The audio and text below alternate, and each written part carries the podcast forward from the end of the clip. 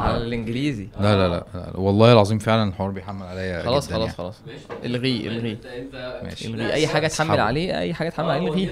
أي حاجة. بدل ما يجاهد نفسه. أيوه أيوه. هي إحنا هنعمل. بقى إن انت اللي اتحمل عليك ده هو انت بريء من الحوار؟ ما إحنا ما أنا هدفع معاك. لا يا ابني أنا مش عايز أدفع. كل 10 هشوف التيشيرت بكام وهشتريها حط المايك بس في بقك لو سمحت. أنا ممكن النهارده ما أتكلمش ولا كلمة إنجليزي عادي. آه طيب ماشي. خلينا نعمل التحدي ما ده تيجي نشوف. يلا. أنا أحسن منك؟ وأنت كده كده أحسن مني. لا أنا بتكلم على في النقطة دي دلوقتي حالا. ماشي. طب حط سماعة المايك في بقك طيب. حطيت؟ آه والله أهو. ماشي خلاص خش. خش معايا التحدي ده النهارده. هو أنت يا حازم عملت ظبطت الشغل اللي أنا كنت عامله؟ آه اشتغلت على الشغل بتاعي؟ قلدته آه. خلاص خش معايا التحدي ده النهارده وريني نفسك يلا يا باشا. ماشي. Let's do it. Right on هيا بينا خلاص اتفقنا يا جماعة. بسم الله. أنا حاسس عارف القصة اللي هي بتاعت الحسن والحسين لما قصة الموضوع دي إن هم قعدوا يتوضوا عشان راجل يعلموا الراجل وضوءك أنا حاسس إن أنا بعمل كده معاك دلوقتي. ماشي. وأنت يا شريف ها؟ معانا برضه. أنا يا باشا راجل فلاح وما بعرفش أقول الحاجات دي. ماشي هنشوف. باللغة الإنجليزية دي. تعال. انت جامد قوي والله يا شريف. وبتعرف كل حاجة ومخبي. متشكر. عشان القلوب. متشكر. عشان القلوب الكتيرة. شفت شفت موضوع القلوب ده؟ آه القلوب ظهرت أول ما شريف آه. رجع. أنا وبالتالي عشان أنا الأودينس.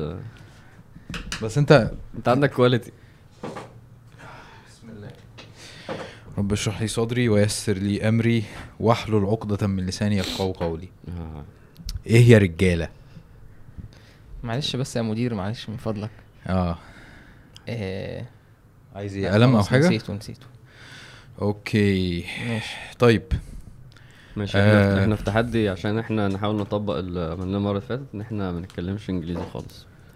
وه ماشي. أنا, أنا بتحدى حازم ماشي. ونشوف آه، مين هيكسب. Alright man. من اول من أول دلوقتي. ماشي. طيب. طيب آه الصراحة الصراحة يعني أنا مبسوط جدا بالسلسلة الجديدة دي وأنا بدأت أسميها أصلا آه، في العنوان بدأت أسميها سلسلة الأخلاق. اسم كريتيف قوي آه فعلا الحمد لله. creative تعالى. اسم إيه؟ إيه إبداعي. أوف. شفت؟ okay. سبحان آه الله. هو آه. هي الدنيا كده. إيه، okay آه. okay دي إيه؟ لا لا دي هنمشيها دي. هي الدنيا كده. طيب. حيز الحمد لله. طيب ف يعني آه، مش عارف ليه حاسس إن آه، إن شاء الله يعني لو بصينا على الموضوع مثلا بعد إيه شهرين ثلاثة أربعة لو لو قطعنا شوط في السلسلة دي إن شاء الله حاسس إن هي هتبقى إيه آه بلاي ليست حلوة كده إن الواحد يخش يفرمط نفسه ويعرف نفسه على مفاهيم جديدة يرجع نفسه للجذور بتاعت الصح والغلط والحاجات دي. مفاهيم اتعلمناها وإحنا صغيرين نسيناها. افترضنا إن هي خلاص فاهم جزء مننا ومش راج... مش محتاجين نراجعها تاني عارف. ف... فأنا أنا يعني في الحلقتين اللي فاتوا. حاسس إن أنا اتعلمت وجاي النهارده برضو عشان آه، الهدف فعلا ال- الأساسي إن أنا أتعلم عشان ال... كنت هقول توبيك. عشان موضوع النهارده. آه، فعلا أنا بجاهد نفسي فيه و... وواعي. لأجزاء في حياتي آه، أنا مش مظبط فيها في الجزئية دي وأجزاء تانية أنا بعرف أظبطها فيه مم. كويس آه، موضوع الحلم والغضب كويس آه، هنتكلم أكتر عن إيه هو الحلم ونعرفه والكلام ده و- وكنا قعدنا نتكلم هل هو ليه علاقة بالصبر هل هو أوسع مش عارف حوارات زي كده. آه، والغضب وإيه الدوافع وايه الكلام ده كله آه، بس حاسس إن إيه آه، إن فعلا الناس محتاجة تخش الحلقة دي زي ما أنا داخل كده اللي هو لا يا عم قشطة أنا أصلا بع- ما, ما بتعصبش. لا افترض إن أنت أصلا آه، الموضوع مش مظبوط عندك خالص. كويس؟ لأنه ال- اللي أنا ب... أول حاجة بتيجي في بالي في, في الموضوع ده لما راجل جه سأل النبي صلى الله عليه وسلم عليه الصلاة والسلام. آه، إن هو آه، أوصني؟ أيوه أوصني. آه. فقال له لا تغضب. آه. فالراجل افترض إنه إيه خلاص ماشي قشطة إيه تاني؟ فالنبي صلى الله عليه وسلم قال له لا تغضب. ماشي يعني عارف اللي هو مم- ممكن واحد فينا ممكن يبتدي أصلا يتعصب من ال- اللي هو مرتين. أيوه يعني إيه الحوار؟ يعني أنا محتاج حاجة حقيقية. آه. فاهم؟ أيوه. لا تغضب ثلاث مرات. فاللي هو إيه لا هو يعني هو النبي صلى الله عليه وسلم عليه الصلاة والسلام. يعلم إن الراجل ده فيه حاجة ويعلم إن إحنا محتاجين نبقى واعيين ليها. فحاسس ان إحنا محتاجين نخش الموضوع ده اللي هو إيه كأن الوص... الوصية دي لينا. وكأن دي أهم حاجة. أنا عايز أعلق عشان أنا برضو وأنا بحضر عارف جه برضو الهاجس بتاع اللي هو إيه أصل أنا عامل لك ان كان بقى تفاصيل الغضب والحلم وك... فبجي في بالي يا عم أنتوا سايبين المواضيع الكبيرة وجايين برضو تقولوا دايما دي بتيجي؟ صح. هو ده نفس برضه اللي هي ممكن واحد يتف... يا عم مش مش مش مش دي دلوقتي يا عم مش الحوار ده. هو إحنا أنا حاسس برضه من مميزات السلسلة دي عشان إحنا هنفضل نتكلم في موضوع الأخلاق والمعاملات لازم لسه لسه ندرك أكتر قيمتها وحجمها الأخلاق بشكل عام واللي إحنا بنتكلم فيه بالتفاصيل. وعلى فكرة مفيش حد يعني لو إحنا مثلا هن- هنتكلم في 20 خلق أكيد اللي بيسمعنا عنده نصهم مثلا عنده مشكلة في نصهم. يعني و... و... تفاوت. نسبة وتناسب. فليه؟ لأنه زي ما انت قلت إحنا ممكن يا إما يا إما حاجة مصغرينها قوي فاللي هو قشطة أنا بتعصب مرة في الأسبوع. ما, ما هو بتعصب مرة في الأسبوع زي بشتم مرة في الأسبوع زي فاهم بضرب حد مرة في ما هو ده ذنب وده عبادة وده يعني في حاجة أنت بتعملها. فيا إما مهمشينها برضو يا إما مش شايفين إحنا بنعمل فيها إيه. فأنا حسيت إنه إيه لا وأنا بعمل كده قلت اسكت يا ابني دي حاجة كبيرة. يعني إيه كل شوية لازم أفكر نفسي إن. اللي إحنا بنتكلم فيه ده موضوع كبير عند ربنا وإنه اللي إحنا بنتكلم فيه موجود عندي حتى لو صغير أو كبير. فركز بس في اللي بيتقال. يعني ده وأنا بحضر والله جت في بالي يعني. ف... ودايما برضو فكرة إن هي دايما ما بتبقاش صفة لوحدها. يعني دايما بيبقى حواليها مشاكل تانية. آه. يعني الغضب ده مش بس غضب. يعني دايما ملمس في حاجة تانية. الحلقة اللي فاتت اتكلمنا عن ال عن الكذب. الك- توسعنا في في, مصايب تانية كبيرة جدا. الفجور. صح. بالظبط. طب تعال نبدأ باللي هي التفرقه ال... ال... ال... ال... ال... افصل لنا كده يا شريف ما بين ال لا يعني إحنا في الغضب وفي ال... صح؟ وفي ال... الحلم يعني وغزم الغيظ يعني. هو أنا م... أنا مش عارف الفرق بينهم بصراحة. طيب. ماشي. مش عارف بصراحة. ماشي. يعني النقطة دي في التحضير أنا قلت عامر ولا يقولها يعني ماشي أنا ممكن اقولها عادي. أنا قلت أديك مساحة عشان تسكت وأشرب شاي. لا أنا هشرب. الشاي بس كده وهدخل في اللي جاي إن شاء الله. الغضب طيب،. وإيه؟ والحلم؟ بص هو اللي أنا عشان مرة تعرضت ل- قريت ده إن هو هي من الآخر ال ال الغضب إن واحد آه بيتصرف غلط بيطلع غيظه ده. يعني هو بي- بيتغاظ من حاجة معينة فبيطلعه في صورة أفعال أقوال آه، فبيغضب م- م. عن طريق إنه إيه بينفس عن غيظه ده يعني هي مشاعر مثلا قلبية وبعدين آه. بيتولد منها أفعال بالظبط غيظ بيحصل نتيجة إيه ممكن نقول بعدين بس في جواك كده فوران بيحصل مم. فبالتالي بيطلع كظم الغيظ ده بقى اللي هو الكظم إنك تقفل كده زي كأنك قفلت على شنطة قفلت على قربة. فهو الغيظ ده إنك تكتمه كويس فهو موجود مم. بس أنت بتكظمه إزازة بيبسي بتفور. آه بس أنت متأمت. آه بالظبط. فهو من جواه ح- حاجة ومن براه حاجة. مم. حلو معنى الفوران ده هو العلماء بيقولوا لفظ الفوران ده فعلا فوران دم القلب. مم. في تعريف الغضب يعني. الحلم ده ال level اللي هو أصلا جوه مفيش فوران مم. okay. ده اللي إيه؟ كده واحد صفر. ده اللي هو واحد صفر ليه؟ مش هقولها. آه. في كلمة اتقالت؟ هو اللي قال ولا هو هو. اقسم. بالله مش واحد صفر هو انت واحد وهو واحد كده. اكتب له طب اكتب له. عشان التيشيرتات تستبرك لو اللي هتطلع. دي. okay. ال- انه إنه واحد من جواه زي براه اللي هو اله- الهادي اللي هو ساعات إحنا بنسميه بارد. بس هو حقيقة هو ده الحليم. اللي هو حصل الموقف اللي يستدعي الفوران ده ولا عادي. يعني مثلا واحد كسر عليه ماشي مش مشكلة. هو من جواه زي براه في واحد تاني عامل كده من جواه وإيه خلاص مش هو. البارد غير الحليم. آه أنا بس بقول إحنا يعني- بنسميه آه، آه، يعني- إحنا بنسميه بارد. يعني الحلم ده اختيار يعني هو آه. اختيار العبد. مظبوط مظبوط. عدم المعاجلة بالعقوبة صح كده؟ مظبوط. أنا اتبسطت قوي الصراحة بالبداية دي. فالتقسيمة دي يعني- مهمة. آه. عشان برضو حلو جدا. ليفل كظم الغيظ ده. مش وحش. لا لا لا لا. مرحلة كظم الغيظ ده استنى طيب. ماليش دعوة. مرحلة كظم الغيظ؟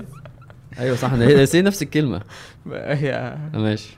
أنا كنت فاكر إن هي مرحلة كظم الغيظ دي أصلا إحنا مطالبين بيها وعليها ثواب. كويس. فاللي يوصل لها ده كويس يعني عشان برضو ده ده هدف ذكرها يعني. بس في أعلى. يعني هي آه. حلو جدا آه. جميل قوي أنا هسكت آه يعني أنت تقصد إن إن ال- ال- ال- الكظم دي مرحلة, مرحلة. وبعدين بعدها اللي أعلى منها آه. اللي هو الحلم. آه مظبوط. حلو جدا. ف...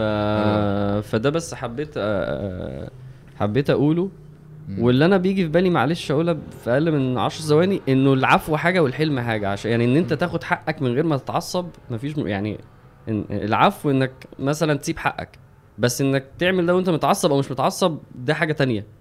يعني واحد يغضب وياخد حقه غير إن واحد يبقى حليم وما ياخدش حقه يعني الحاجتين مش مرتبطين ببعض عشان الناس طب ما هو عص... هو مثلا عصبني وكسر عليا ف... أيوه انزل خد حقك وخد تعويض مثلا الخبطة اللي خبطها لك ولا قول له مثلا أنت غلطان بس بحلم. مم. يعني ما, ما تمام. ساعات. ناس بس بتعمل كده في الحلم والعفو. لا عادي أنت عايز تسيب حقك أو تاخد حقك ده مفيش مشكلة بس اعمله وانت زي بالظبط اللي هو بر أهلك وبرضه مثلا إيه آه، مثلا خش الجامعة أنت عايزها مثلا. فالناس بتدخل بشوف الحلم والعفو مع يعني الغضب والانتقام بيخشوا مع بعض برضه. تمام. فبس عايز تمام. الناس تفصلها وإحنا بنتكلم عشان إحنا مش بنتكلم عن العفو. ده إن شاء الله هيجي بس. بإذن الله. جامد. فلو كده بقى قول لنا طيب بقى ليه؟ إيه؟ آه ليه- ليه ليه بقى؟ ليه ليه بقى إحنا بقى؟ ليه بنتكلم على الغضب. عن الغضب؟ يعني زي ما عامر كان بيقول إن أحيانا بيتبادر للذهن اللي هو ليه ليه نتكلم مثلا عن المواضيع الأخلاقية زي ما إحنا اتكلمنا في المرة اللي فاتت؟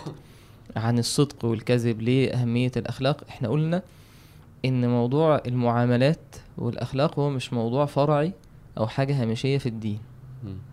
مم. وإن العبادة والأخلاق حاجة مرتبطة ببعض وإن العبادة بتسمع في أخلاق الإنسان. يعني أنت كل لما تقرأ قرآن كل لما تتعلم علم كل لما يعني أحيانا ممكن حديث من أحاديث النبي عليه الصلاة والسلام في موقف معين يكون سبب إن هو يوقفك عن تصرف أخلاقي. صح. يعني أنت مثلا هتتعصب فتفتكر الوصية مثلا لا تغضب. فالكلمة ده أنت وقفت هنا العلم ده اللي هو كان مستقر في عقل الإنسان وفي قلب الإنسان كان سبب إن أنت إيه؟ مم. اتبنى عليه فعل. اتبنى عليه فعل إن أنت مش هتغضب تتوقف عن الغضب. فكل ما الإنسان بيتعلم كل انسان بيفهم يقرأ في سنة النبي يقرأ في. القرآن في الوحي كل ما السلوك بتاعه بيتهذب بيتغير. وده ده الغرض. يعني الغرض من العبادة أنت بتتعلم إن أنت تصلي وإن أنت تقرأ قرآن علشان تتعود أنت يكون ليك سلوك مع ربنا سبحانه وتعالى في المعاملة ومع نفسك ومع الناس. ماشي؟ فالغضب مهم ليه؟ يعني ليه الكلام عن الغضب وليه الكلام عن الحلم؟ إحنا قلنا المرة اللي فاتت إن إن الكذب صفة من صفات من صفات الشيطان. مم. كذلك الغضب. يعني لما يعني هو إن كان ده مش واضح زي الكذب لكن هو إيه يعني ممكن تشوفه كده في في سياق الأحداث اللي دارت بين آه، الشيطان وبين بين الله بين بين الله سبحانه وتعالى. بينه وبين الله في مسألة السجود لآدم. لما الآيات في سورة في سورة الإسراء قال تعالى وإذ قلنا الملائكه اسجدوا لآدم فسجدوا إلا إبليس قال أأسجد لمن خلقت طينا فده الكبر. فبعدها لما ربنا سبحانه وتعالى قال له إن هو إيه مطرود من الرحمة قال أرأيتك هذا الذي كرمت علي؟ لئن أخرتني إلى يوم القيامة لأحتنكن ذريته إلا قليلا فبتستشعر في كلام الشيطان إن في نوع من إيه؟ عدم تمالك النفس. حالة من الغضب. يعني هو إيه؟ يعني في مرحلة معينة لما ربنا سبحانه وتعالى قال له إن هو خلاص مطرود من الرحمة وإن هو آه، أخرج منها فإنك رجيم كان المفروض إن دي حتة إيه؟ يعني لو الإنسان في الحالة اللي هي العادية بتاعته إن هو يعني. يتراجع. يتراجع لكن الغضب. مع الصفات اللي هي الايه الكامنة في نفس الشيطان الغضب مع الكبر مع ال- الأمراض اللي هي الشيطانية دي فخلاه مكمل ربنا سبحانه وتعالى قال قال آه، قال قال الشيطان قال آه، ما منعك ألا تسجد إذ أمرتك قال قال أنا خير منه خلقتني من نار وخلقته من طين قال فاهبط منها فما يكون لك أن تتكبر فيها فاخرج إنك من الصاغرين. قال انظرني إلى يوم يبعثون. قال فإنك من المنظرين. قال فبما أغويتني؟ ال- الجملة دي بحس إن فيها إيه؟ غضب. فيها آه. غضب. مم. يعني بيقول له يا رب بما أغويتني؟ قال لأقعدن لهم صراطك المستقيم. ثم لآتينهم بين أيديهم. أنا بحسها إن هو بيقول هو مم. غضبان. فالغضب خلق شيطاني صفة شيطانية. هو بيحاول إن هو يخلي الإنسان على ال على الايه على الحالة دي. لأن لأن الإنسان في ساعة الغضب الشيطان بيتحكم فيه. ولذلك حتى في الحديث في في البخاري عن سليمان بن سرد قال استب رجلان عند النبي صلى الله عليه وسلم. ونحن عنده جلوس. قال أحدهما يسب صاحبه مغضبا. على على صوته واحمر وجهه وانتفخت أوداجه.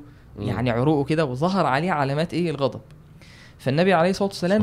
هو هنا علمك إن الغضب منين؟ من الشيطان. فقال صلى الله عليه وسلم إني لأعلم كلمة لو قالها ذهب عنه ما يجد. لو قال أعوذ بالله من الشيطان لذهب عنه ما يجد.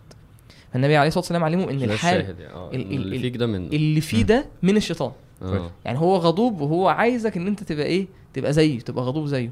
فهي صفة شيطانية. فالراجل راح لل...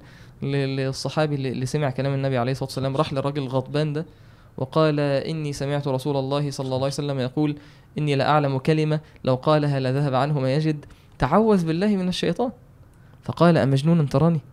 قال انت شايفني مجنون. شوف حتى في ساعة الغضب هو ما بقاش قادر يعني. رد كلام النبي مش إيه؟ يعني ال- ال- المهم الشاهد إن الغضب الغضب من الشيطان فده ليه إحنا نتكلم عن الغضب عشان هو صفة شيطانية. هو ماشي. أصلا الغضب من الشيطان ده حديث بس كده آه. الصيغة دي يعني بال... بالتوضيح ده وإن هو هو اللي هو اللي بيثيره هو ده. منبعه هو ده لفظ الحديث كده آه الغضب من الشيطان مم. فيعني وهو ده اللي بيخلي الشيطان يسيطر عليك فيه لأن أنت لما بتخش في المرحلة بتاعة الغضب دي تبقى أكتر وقت أنت فاقد ال- السيطرة على نفسك. الاتصال بالعقل آه والسيطرة على النفس والكلام ده. فالشيطان بيركب الواحد يعني. صح. بمعنى مم. آخر يعني. والمهم ده يعني برضو فعلا إدراك إنه ده من الشيطان دي بتفرق كتير جدا. يعني فهمها وبعد كده ملاحظتها بتفرق كتير. زي اللي عنده وسوسة. فهو بيبقى من أغلب يعني من- من أوضح حلولها لما يقول لك الشيطان بيوسوس لي. أول ما يقول لك الشيطان بيوسوس لي بتقول له ماشي يبقى أنت كده فاهم. كويس. غير لو غير اللي بيجي يقول لك لا ده مش الشيطان ده أنا دي بحسها نفسي ده. بتضطر تخش معاه في حتة اتكلمنا لا، في, الحلقة في الشيطان. حلقة الشيطان عن الموضوع ده جدا آه إن مم. أنت تت... أنا مش فاكر الحتة يعني بس آه، إن أنت تبقى مركز هو اللي, اللي بيخليني كده هو اللي عمل ده هو اللي أثار دي دي بتسهل جدا رد الفعل هي بتسهل التصرف. آه. بتسهل العلاج لأن أنت أيوة، صح. بتستحضر معنى العداوة مم. يعني يعني غير لما أنا أجي أكلمك عن الغضب من غير أي مقدمات لا أنا بقول لك إن في عدو ليك هو عايزك تبقى إيه مم. عايزك تبقى على الصفة دي إن أنت تبقى غضبان ماشي. إيه إيه كمان من الأسباب اللي بتخلينا نتكلم عن الغضب؟ آه طيب خليني أقول حاجة انت أنت كنت لفت النظر ليها. آه كلام ابن القيم بس هو آه أنا بقوله عشان أنا يعني أنت لفت نظر ليا فأنا حبيت أقوله لأنه لأنه كان ابن القيم بالنسبة لي لو لو لو لو في جامعة آه الجامعة دي مثلا عشان مثلا عشان التزكية مثلا واعمال القلوب فابن القيم ده هو هو رئيس الجامعة دي. مدير أنا الإدارة. أنا بشوف أنا بشوف كده والله. يعني أنا أصلا بحيت آه. أحس كل ما تسمع حاجة من حد في التزكية بيبقى منبع كلامه كلام ابن القيم. بيبقى منبع منبع كلامه مدارج السالكين. بيبقى منبع كلامه الفوائد. دا- دايما هو بيبقى هو ال- اللي هو الدكتوراه في في, في أمراض القلوب وأعمال القلوب. أنا بشوف كده. وهو وهو في الآخر كلامه ده من الوحي. بس بيبقى عنده عمق وتصور. يعني مثلا زي درس اللي هو السر الأعظم ده. اللي هو إيه هو هو هو أصلا عنده عمق إحنا ما وصلنالوش إحنا لما بنلاحظ العمق يعني لما بلاقي في كلامه بعد مثلا سنين مع مثلا المثالية وألاقيه مثلا مذاكر الموضوع بطريقته بألفاظه هو بس هو بيتكلم على إزاي واحد ممكن يبقى جلد الذات أو تحس هو أنت أنت جاي من عالم آخر معاي... معايشة هو, رهيبة هو؟ عايش هو فعلاً. عايش ده المعنى يعني لامم كل التفاصيل بكل الأعماق. اللي هو أنت دلوقتي ممكن فجأة آه، تحطها في مصطلحات جديدة وقال يعني بقى ال- العلم النفس ساعدك ولا وهو جابها من زمان جدا فعلا. فمبدئيا كده أنا بحس فعلا انه كلامه في الجون يعني. مركز. ف... فهو كان بيقول إنه آه، ثلاثة أبواب يدخل الناس النار منها. ف برضو إيه أنت ممكن تلاقي حد قال دي مثلا من أسباب دخول النار ويقوم حاطط حاجة. لا ابن القيم مش هيحط أي حاجة. هي دي الفكرة يعني. ف- أبواب. ف... فأول حاجة قال الشك اللي هو الشبهات اللي بيثير الشبهات بيثير, بيثير الشك في الدين. الشبهات العقل المدخل العقلي وتاني حاجة قال باب الشهوات اللي بيخلي الهوى يتغلب بقى على رضا ربنا. وبعد كده قلت قلت حاجة إيه بقى؟ الغضب. فأنا أصلا وقفت هنا يعني فرعية قوي. وكأن التانيين الشبهات في والشهوات. صح آه. الغضب. بس قال الغضب اللي بيؤدي لعداوة الخلق. مم. فهو بيتكلم عن الشبهات اللي في العقل والشهوات اللي هي بينك وبين ربنا والغضب اللي هو بيبوظ العبودية بينك وبين الناس. بيبوظ الايه؟ العبودية بينك وبين عبودية ربنا بينك وبين في تعاملاتك مع الناس. فهو جاب الأخلاق وجاب العبادات اللي بينك وبين ربنا وجاب الشبهات. طب ليه الغضب؟ عشان انت نقطة قلتها في الأول. عشان الغضب هو ما بيوقفش عنده. هو. بيأدي بيعمل اللي هو فكرة الذنب المركب ده. اللي بيغضب بيظلم واللي بيغضب بينتقم. واللي بيغضب بي- بي- بيبوظ علاقات. ممكن وا- واحد يخسر واحدة واحد آه، يعمل ولاده غلط. واحد الغضب ما بيوقفش بس عند الغضب. الغضب ممكن يؤدي لأنه كل المعاملات تبوظ. ده ده هيجي معانا بقى في ال... في الآثار بتاعته. يعني آه. أثر أثر الغضب. فأنا وأنا ب... يعني الكلمة مستوقف. أنت ليه قلت الغضب؟ ده مش ده مش عادي. مم. فلما تخش جواه آه هو عايز يقول إنه الباب الثالث الحاجة اللي تبوظ علاقتك بالناس فاختار الغضب. فمن لما ابن القيم يقول كده دي لازم تخلينا نحذر جدا ونتكلم في الموضوع. هو قال لا. قال بنص الكلام يعني قال دخل الناس النار من ثلاثة أبواب باب شبهة أورثت شكا في دين الله آه شبهة أورثت شكا في دين الله وأبو شهوة أورثت تقديم الهوى على طاعته ومرضاته. وباب غضب أورث العدوان على خلق الله. فده إيه ده المعنى يعني يعني إحنا عايزين نقول إن إن الغضب من أسباب دخول النار. يعني ليه بنتكلم عن الغضب؟ عشان هو من أخلاق الشيطان هو من الشيطان. مم. فأنت تستحضر العداوة. الحاجة التانية انه ممكن يكون سبب إن الإنسان يدخل النار. صح كده كويس؟ مم. صح. طيب ال ال السبب الرابع عكس الغضب من أسباب دخول الجنة. مم. يعني ليه بنتكلم عشان الحلم أصلا من أسباب دخول الجنة؟ إزاي؟ فين آه، يعني جبتها منين؟ ال ان إن الصفة هي صفة الحلم دي صفة من صفات الله. وربنا سبحانه وتعالى بيحب الإنسان اللي فيه الصفة دي صفة الحلم. ذلك النبي عليه الصلاة والسلام قال للاشج عبد قيس قال إن فيك خصلتين يحبهما الله ورسوله الحلم والأناة. وابن القيم برضو قال إيه كلمة هي هي قاعدة في المعنى دي وهي فعلا فعلا يعني لما إنسان يفهم المعنى ده معنى كلام ابن القيم وغيره من أهل العلم نص على المعنى ده في في فكرة الأخلاق والتعامل مع ربنا سبحانه وتعالى والسلوك. وقال قال من وافق الله في صفة من صفاته قادته تلك الصفة إليه بزمامه. يعني يعني ربنا سبحانه وتعالى له صفات. من وافق قول تاني. قال من وافق الله في صفة من صفاته. مم. يعني ربنا رحيم. جميل جدا فأنت حلو أوي. تتصف بصفة الرحمة. ربنا حليم. أنت تتصف بصفة الحلم. فهو بيقول إيه؟ فقال رحمه الله في كتاب الداء والدواء من وافق الله في صفة من صفاته قادته تلك الصفة إليه إلى الله سبحانه وتعالى بزمامه. وأدخلته على ربه وأدنته منه وقربته من رحمته وصيرته محبوبا. قال فإن شوف بقى فإنه سبحانه رحيم يحب الرحماء. آه كلام آه، قوي جدا الصراحة. قال كريم وعلى فكرة ابن القيم كرر الكلام ده في أكتر من موضع في كتب مختلفة يعني. قالوا في الفوائد وقالوا في الدواء والدواء. فقال فإنه رحيم يحب الرحماء. كريم يحب الكرماء. عليم يحب العلماء قوي يحب المؤمن القوي وهو أحب إليه من المؤمن الضعيف. حت قال حتى يحب أهل الحياء. معلش حيي يحب أهل الحياء جميل يحب أهل الجمال وتر يحب أهل الوتر. وقال في موضع تاني. برضو نفس الفكرة اللي قال وهو سبحانه وتعالى رحيم يحب الرحماء وإنما يرحم من عباده الرحماء وهو ستير يحب من يستر على عباده وعفو يحب من يعفو عنهم وغفور يحب من يغفر لهم ولطيف يحب اللطيف من عباده قال وحليم يحب الحلم قال في الآخر بعدها إيه؟ قال ويجازي عبده بحسب هذه الصفات فيه وجودا وعدما يعني إيه؟ يعني كل كل لما الجزاء على قدر لما أنت إيه؟ بقى يبقى صفة. الصفات دي. جميل. اللي هي. صفة الحلم وصفة الرحمة وصفة العفو. قال بعدها في الآخر قال من عفى عفى الله عنه ومن غفر غفر له. إلى آخره قال مم. ومن عامل خلقه بصفة عامله الله تعالى بتلك الصفة. قال بعينها في الدنيا والآخرة. فالله تعالى لعبده على حسب ما يكون العبد لخلقه. مم. يعني إن أنت مثلا تحتسب إن أنت بتتعامل مع الناس بعفو أو برحمة وليعفوا وليصفحوا ألا تحبون أن يغفر الله. لكم. من نفس عن مؤمن كربة من كرب الدنيا نفس الله عنه كربة من كرب يوم القيامة. والله في عون العبد ما كان العبد في عون أخيه. فدي قاعدة. جميل جدا. فمعنى العكس ال- ده هينقلك في نقلة كده في إيه؟ في تفكيرك تجاه الحلم. مم. لأ يعني طب الح- إيه إيه هو الحلم؟ يعني هل حد عنده تعريف ليه؟ الحلم هو آه، الحلم هو مع مع القدرة عدم المعاجلة بالعقوبة. يعني أنت تكون قادر والشخص اللي قدامك يستحق العقوبة وأنت إيه؟ وأنت تحلم. مم. يعني أنت مش هتنفذ الغضب ده مش هتخرج الغضب. فاللي قدامك غلط فيك فأنت إيه؟ هتسكت. بل ده, إن ده مش العفو. لا لا لا ما هو العفو إن أنا خلاص مسامحه. الحلم إن أنا مش هيخرج مني رد فعل تجاه الفعل اللي هو عمله ده. يعني أنا قدامي إن أنا أضربه. وقدامي إن أنا أرد عليه. الإساءة بالإساءة. لكن أنا إيه مش هعمل ده؟ ليه؟ هل عشان أنا عاجز؟ لا. عشان إيه؟ أنا قادر وفي نفس الوقت أنا حليم. يعني ربنا سبحانه وتعالى قادر. قدير سبحانه وتعالى.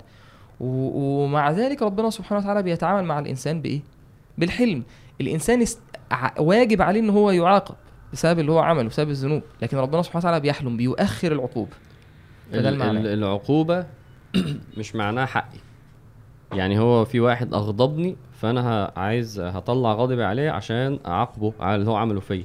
فده مش معناه أصلا حقي ده لسه حاجة تانية خالص غير حقي. أيوه صح. فهو بيتكلم في المرحلة دي. الحلم إن أنا مش مش الفوران أصلا ما حصليش. أو حصل لي ف... ف... فعادي أذهبت و... وبسطت دي فرد ما فيش رد فعل. يعني ما فيش رد فعل كانتقام للغضب مش كحقي. عشان كده بقول لك ناس بس أنت بتدخل دي بس في دي انت في الأول لو خدنا مثال آه. عشان الدنيا توضح صغير قوي. واحد زي ما أقول لك إيه واحد خبط لي عربيتي. خلاص؟ فدلوقتي مضايق حقي إن هو يصلح لي العربية. خلاص؟ ده حقي. طيب وفي واحد بقى ينزل إيه يا عم اللي أنت عملته ده؟ أنت مش شايف يا عم؟ ده ملوش دعوة بحقي. ده ليه دعوة بالغضب. أوكي. فالفنان ده أنا بعاقبه أنا بعاقبه دلوقتي على اللي هو عمله ولسه ما خدش حقي. فالحليم اللي ينزل يقول له ما ما- يعني خير إن شاء الله. هو عادي ليه حق يقول له خير إن شاء الله بس إيه يعني. يعني حقي إن أنت إن تعمل لي كذا كذا الغضب ده عقوبة زائدة و... ومش حقك وبتطلع في فاهم نبع نبع من صفات أو أو حاجات ليها دعوة مثلا. بالانتقام مثلا آه هنشوف مش آه. مش على طول لأن مثلاً- هو الغضب مثلاً. مشاعر إنسانية. بتصرف زي زي الشهوة مم. يعني الغضب في غضب لله مم. يعني إيه- في غضب ربنا بيحبه إحنا بنتكلم عن الحاجات السلبية آه فأنا بس عشان عشان ما نبقاش مفهوم إن الغضب على طول ما ينفعش أنت تغضب ل- لا هو انت أنت بتغضب وربنا قال وإذا ما غضبوا هم يغفرون فطبيعي إن أنت تغضب بس أصل هو في الأول خالص آه. قال إن الحليم ده. أصلا ما بيغضبش ما بيغضبش الغضب ال... ال... ال... خلينا نقول الغضب ال- المضر الغضب لا الغلط الغضب يعني المنهي عنه بيسيطر على الغضب يا حسن الغضب المنهي عنه أصل هو فعلا يعني من من القصص بتاعت النبي صلى الله عليه وسلم إن هو بيتعرض لمواقف كتير اللي هو مثلا أعرابي يجي يمسكه من آه. صلى الله عليه وسلم من عليه الصلاة والسلام من. لحيته أو من آه. لبسه أو مش عارف إيه فعلا رد فعل النبي صلى الله عليه وسلم آه تحس فعلا إن هو ما حصلوش أي حاجة يعني ما ما, غضبش تماما من هو. ده ده الح... ما إحنا لما نشوف هو إيه اللي ممكن يفور الدم فتلاقي النبي صلى الله عليه وسلم. أصلا متغلب على ال... على الكلام ده وما يعني أنا الهدف. الهدف فعلا إن أنا أمرن نفسي إن. أنا إن آه. أنا مثلا لو في آه، فيشه مربوطة في في في, في مثلا إيه مصدر آه فوران الدم. بالظبط. المفروض أشيلها وأحطها أصلا في حتة تانية خالص يعني. آه بس ده زي ما شريف قال وده يعني متصور إن هو يعني في المواضع يعني هو دايما الأخلاق دي آه، فيها شق انه وده اللي إحنا بنتكلم عنه عاده الحاجة اللي غلط وفيها شق يعني مثلا الكذب مثلا آه، واحد اتاخد أسير هيكذب ويقول لهم الجيش عدوا قد- يعني فاهم الكذب هنا مباح بس, زي ما بس ال- دي فيها حاجة فيها سيطرة على النفس وفي ودي فيها حاجة آه. غصب آه، عنك آه لا ودي لله وصح ودي لله عشان غلط. يعني خلاص أنا هنا هغضب وهنا مش هغضب. مم. يعني النبي صلى الله عليه وسلم كان بيغضب وسلم. لله لأن ده الصح صح. فما ينفعش لا عادي مش مهم يا جماعة عادي يعني الأقصى بيحصل. ما ينفعش واحد ما يغضبش لله. ففي غضب أصلا محمود ومأمور ومباح وفي غضب أيوه. غلط. صح كده. فده م- ده, ده مفهوم يعني إن شاء الله. فاذا اللي إحنا بنتكلم فيه إنه هو ما ما ما ينتقمش ويعاق ممكن انت عارف ان الأم اللي بتغضب بعينيها ساعات فاهم؟ بتبص لاولادها وتبرق يعني هو غاضب فبرق من غير ما يتكلم هو هو أظهر غضبه. إحنا بنتكلم على ده. ده مم. كله ما يظهرش لا بقى بعينه ولا بقى بصوته ولا بقى بنفسه يعني ولا أنا حسيت التصرف بقى هو اللي أنا ده ده أنا عايز أظبطه. آه. بس آه يعني اللي بره. لا واللي جوه لا ما هو اللي جوه ده الع- هيجي مع الوقت، آه. هو وكمان لو اكتشفت إيه اللي بيعمل ده دي كنز بقى. إن أنا okay. آه ده أنا ده أنا الموضوع عندي ال tri... ال... ال... إيه؟ الايه إيه؟ الايه الشعلة بتاعته الشرارة بتاعته كذا. حلو حلو. الشرارة ده طلعت أنا أوحش واحد. الشرارة بتاعته كذا خلاص. ده بيحل عوارض كتير قوي طيب هو عموما إحنا إيه مش عايزين نقفز على آخر الايه يعني. في على فكرة العلاج وإزاي و... لا لا أنا بحاول أوصل بس عشان فآه. أتابع. طب ف- خليني أقول الأول الحتة اللي أنت بتحبها تقسيمات الناس. آه صور. الغضب تقسيمات الناس. خش بقى. في في إحنا برضو بنتكلم آه، يعني شرائح مختلفة وده دايما موجود يا جماعة. يعني ممكن حد الحلقة اللي فاتت الحمد لله أصلا ما عندوش مشكلة وحد يعني صعب جدا في الموضوع. فهي بالتالي الغضب برضو إحنا عندنا الناس اللي هي على طول غضبانة. تحس إن هو على طول غضبان تحس إن هو بيتعصب من أي حاجة في كل حاجة. تحس إن هو مع يعني هو أنت لو للأ- وده لو سألت حد عليه الكذب ممكن ما يلاحظش على فكرة 100% يعني ال- النسبة بتاعت أنت بتكذب قد إيه ما ت- ما تسمع إنما في واحد آه، قلت لك مين؟ قلت لك فلان عصبي. عصبي بس هي دي أكتر حاجة تقول لك إحنا بنتكلم على مين دلوقتي. الناس تقول عليه كده كمان لأن ده بيطلع خلاص. فده هتلاقيه شخص هو بص دمه حامي جدا. ده على طول بيخطب على طول. يعني في يومه دايما أسباب. كبيرة أسباب صغيرة. واحد بقى كسر عليه الاسانسير بابه مفتوح واحد ساب النور مفتوح ابنه اتأخر الماتش مش ع... ده ما بيبطلش عصبية. يعني هو هو بقى نفسه بقت متمرسة للموضوع ده. تصرفاته غير متوقعة آه. ما تعرفش تعتمد عليه حوارات زي التاني اللي هو يتحرى الكذب هتلاقي ده هو الغضب عنده بقى أول. آه. بقى أول حاجة بتطلع هو مسيطر عليه الغضب يا سبحان الله يعني يعني هنتكلم برضو في العواقب لكن ال- ال- النوعية دي مم. اللي هو الشخص الغضوب العصبي اللي العصبية مسيطرة عليه بشكل مستمر آه، ده الحياة بتبقى معاه صعبة مرهقة آه طبعا. والناس بت... الناس. بتخاف منه. بس آه. في ناس مش عارفة تتجنبه. وفي ناس بتتعامل معاه في البيت بشكل مستمر. آه. لو كان زوج لو كان آه، زوجة لو أب. صح.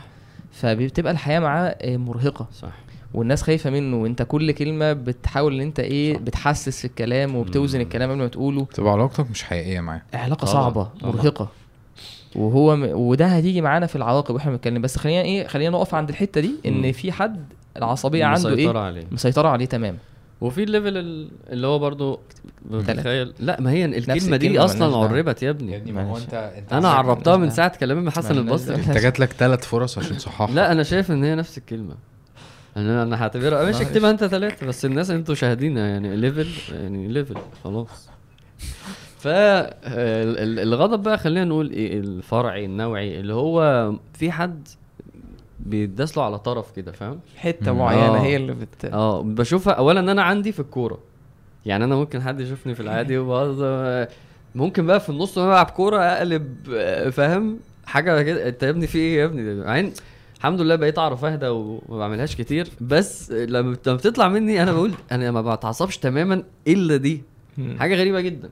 في واحد ممكن مثلا بيشجع فريق معين هو ده الموضوع عنده في واحد مثلا آه مثلا مع أخوه الصغير تلاقي لا انت بتتعصب انت بتتعصب لما يبقى في حاجة النظام فيها مش مش متبع آه هو بس عايز يقول إن في أسباب معينة آه، هو مش مش داس في مش في. الأصل إن هو عصبي صح. أيوه بقى ما بس هي في أسباب معينة هي اللي صح. بتعصبني ما هي أيوه والمواقف اللي بتيجي اللي ب... اللي بيبقى فيها تجسيد كبير جدا أو مجمعه كذا حاجة زي آه. الكورة عنده.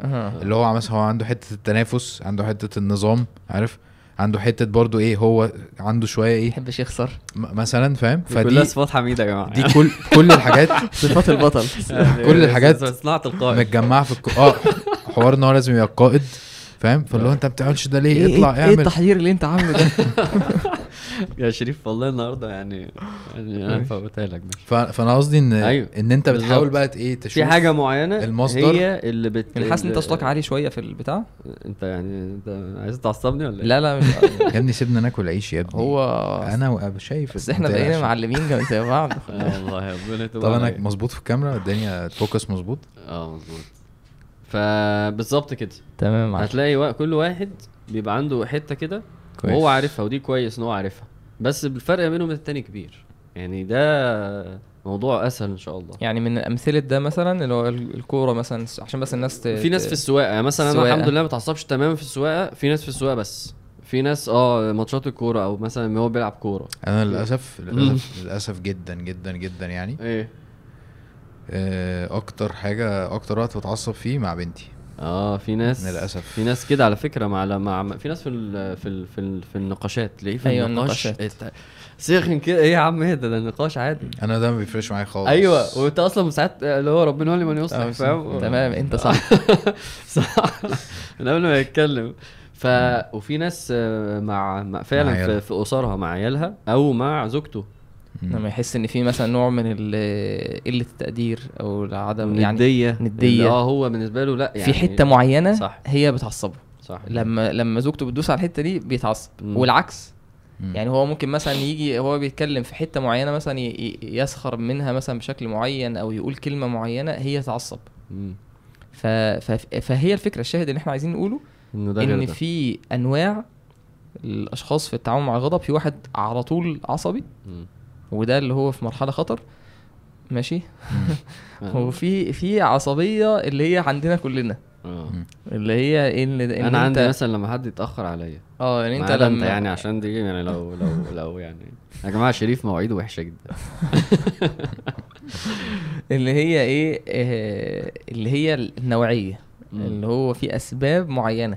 وده على فكرة بيساعدك في التشخيص ده بيساعدك. صح، يعني صح. إن أنت تبقى فاهم هتعرف بقى الناس اللي حواليك والله أنا الحتة دي بتضايقني. جدا يا شريف. فاهم؟ ف- فبعد كده هنعملها برضه. أنا اتعمد آه، هو حوار مثلا أنت بتتكلم على في البيت ومراتك ومش عارف إيه وأنا بتكلم على بنتي وهو بيتكلم. يعني كلها ليها دعوة بإن أنت فعلا تحاول تشوف آه، شخصيتك آه، تحاول تراجعها وتحاول تشوف مثلا آه، طفولتك كانت عاملة إزاي طب مثلا هل أنت مثلا مثلا يعني متعود إن آه، الأم والأب كانوا آه، علاقة تق- تقليدية جدا إن الست بتحترم الراجل جدا فأنت بالنسبة لك لو مراتك آه، مثلا ناقشتك في حاجة.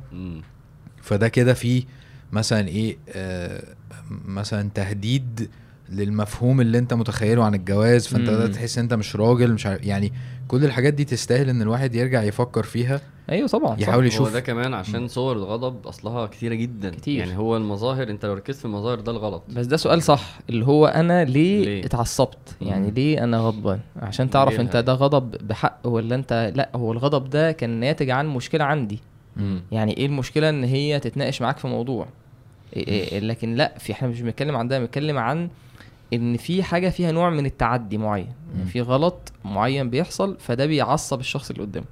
فاهمني أيوه هو التفكير بطريقة إن إن إن إن فعلا آه، الأفكار بتبقى نابعة نابعة من أو التصرفات نابعة من أفكار عارف اللي هو المشاعر نبع ال- آه يعني مو- ال- ال- آه أيوه.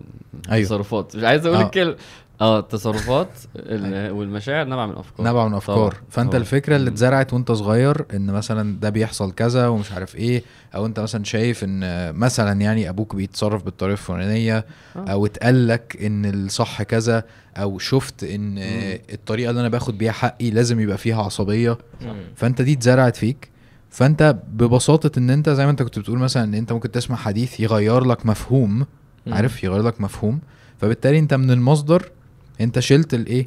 الوصلة دي ركبتها. في المكان الصح. صح. وفعلا فعلا الموضوع بالبساطة دي. أول ما توصل لمصدر الموضوع اللي هو أنا فعلا كنت فاكر إن العلاقة الزوجية كده. آه بس, بس خلاص. فاهم قصدي؟ آه، بس كده. دي من سبحان الله يعني. بس إحنا عارف برضو يعني هي التسلسل أنت لازم تمشي من فوق. يعني إحنا عشان كده بنقول دلوقتي إيه المظاهر. أنت لازم تمشي من فوق أو بعد كده تخش على اللي جوه فيتصلح. بس ما ينفعش العكس. لازم تمسك المظهر. فاحنا قلنا شوية مظاهر بس هو الفكرة كلها إنه صور ال- الغضب كتيرة جدا. كتير. ومظاهر الغضب كتيرة جدا. يعني زي ما بقول لك ممكن واحد يبقى إيه يعني هو الغضب باين في عينه بس. مم. وده يعني أخويا كان بيقول لي أنت كنت كده يعني يعني إيه بس عليك بصة كده كده. فممكن بعينك بس. ممكن واحد يزعق. ممكن واحد يضرب. ممكن واحد يشتم. كل. واحد آه، غضبه بي- بيظهر بشكل غير التاني انت قصدك نعالج المظاهر ولا قصدك إيه؟ لا أنا. قصدي إحنا بس في مرحلة بتشخص بس بص مهم إن أنا أبقى شايف المظهر يعني كويس، مثلا واحد كويس،. بيكذب يبقى شاف نفسه هو بيكذب وشاف نفسه بيكذب فين وصيغة الكذبه بيقول يعني المهم يمسك ده بعد كده نخش جوه ما ما صح ليه موافق. ليه.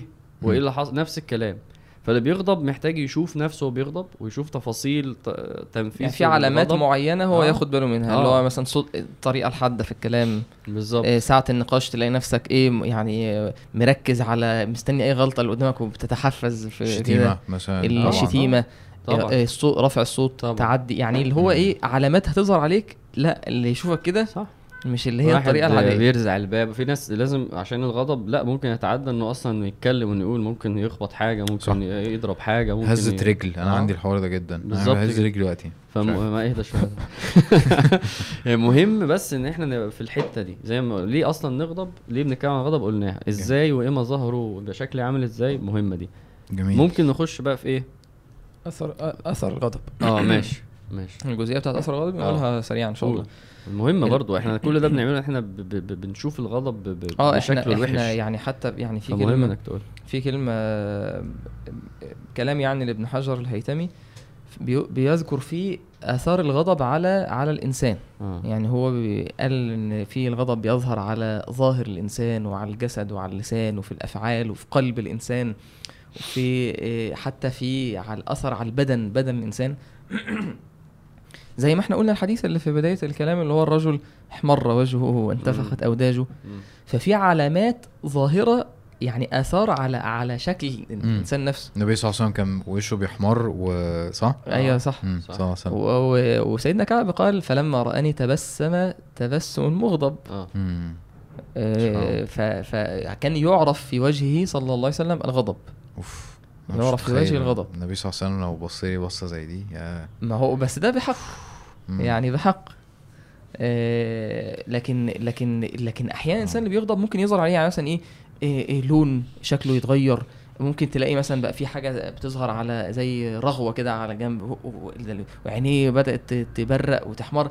فحتى العلماء بيقولوا بيقول إن لو الإنسان بيقولوا ولو يرى الغضبان في حال غضبه صورة نفسه لسكن غضبه حياء من قبح صورته لاستحالة خلقته ما هو ده اللي انت لما انت بتشوف حد في الشارع ووصل للمرحلة دي انت بتحس لا ده ده, ده حاجة مش طبيعية انت- أيوة. انت الشخص نفسه بش- بي بي يعني نظرتك ليه ده مش يعني هو مش بيقول حلو. بقى هو بيقول حلو. انت عايز تعالج الحته دي لو انت ب... كأنك إيه بص على نفسك كده في المراية خلي حد مثلا يصورك كده وانت متعصب وشوف عينيك عاملة إزاي و... وطريقه كلامك والمناخير المفتوحه والإيدين اللي بتترعش الشكل ده نفسه صعب لما أنت تشوفه تنفر من غضب أنا مش عايز أكون على الهيئة دي أنا ما بحبش فعلا نفسي بالطريقة دي صح هو شوف بيقول صح، إيه؟ صح. بيقول ولو يرى الغضبان.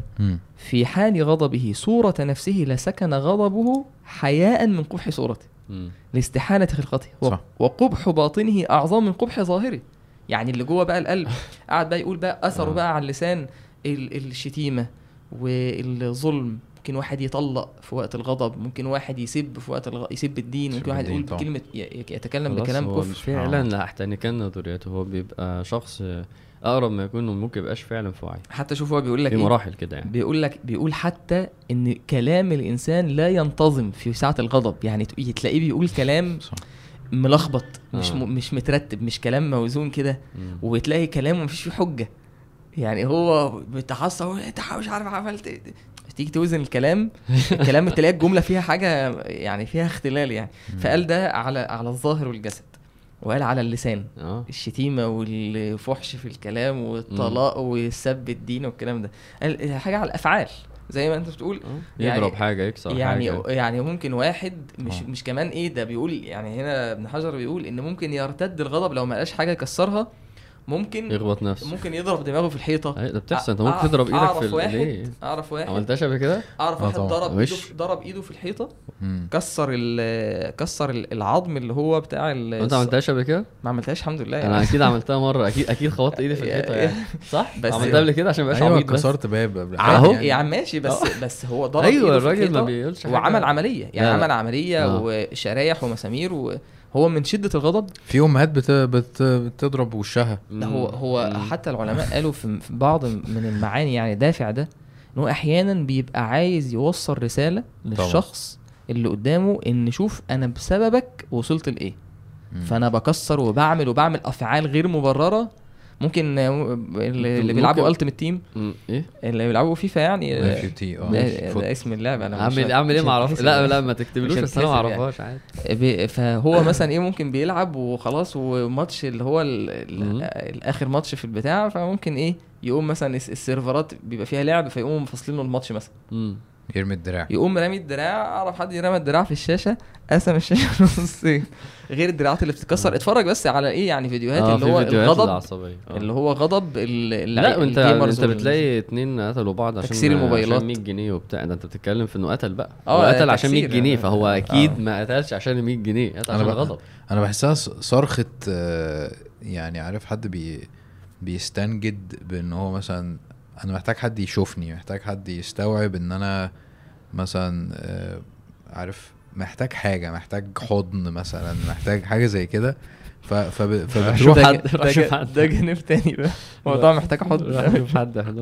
يعني تلاقي واحد بلطجي في الشارع مثلا بيتعصب تقول حضرتك محتاج حضرتك محتاج حضن. تعالى اما حضن إيه يا جدع انت تاخد حضن في وشك. ف... فده إيه يعني ده إحنا قلنا يعني قلنا. أثر على الظاهر والجسد واللسان والأفعال زي ما عامل قال ممكن يموت في ساعة الغضب. إيه وقال كمان في أثر على القلب. فقال وأما أثره في القلب فالحقد على الحقد على- المغضوب عليه وحسده وإظهار الشماتة بمساءته والحزن بسروره والعزم على إفشاء سره وهتك ستره والاستهزاء به وغير ذلك من القبائح بقى. ففي أثر كمان إيه؟ في ال- في القلب إن أنت عايز تعمل ده في الناس قصدك ولا الغضب بيخليك بص ممكن إيه آه، ما تديش واحد حقه آه، تتكلم عليه كرهه. آه، تهينه. آه ت- مم. عايز تنتقم تقول سر ما هو ده اللي ابن القيم قاله الغضب اللي بيؤدي ليه عداوة آه، الخلق عدوان أنت بتتكلم في إن أنت خلاص هتظلم وهتنتقم وهتكره كل ده أنت غضب بتحس إن هو فعلا خلاص بيحط لك. يعني حاجة. كده عليك يبقى لازم تتشال عشان تبقى انسان طبيعي. آخر آخر أثرين من آثار الغضب وإحنا وإحنا قلناه في وسط الكلام بس نأكد عليه تاني هي فكرة فساد العلاقات الاجتماعية. آه. إيه علاقة علاقة مع الأهل علاقة مع الزوجة إيه قطيعة الرحم.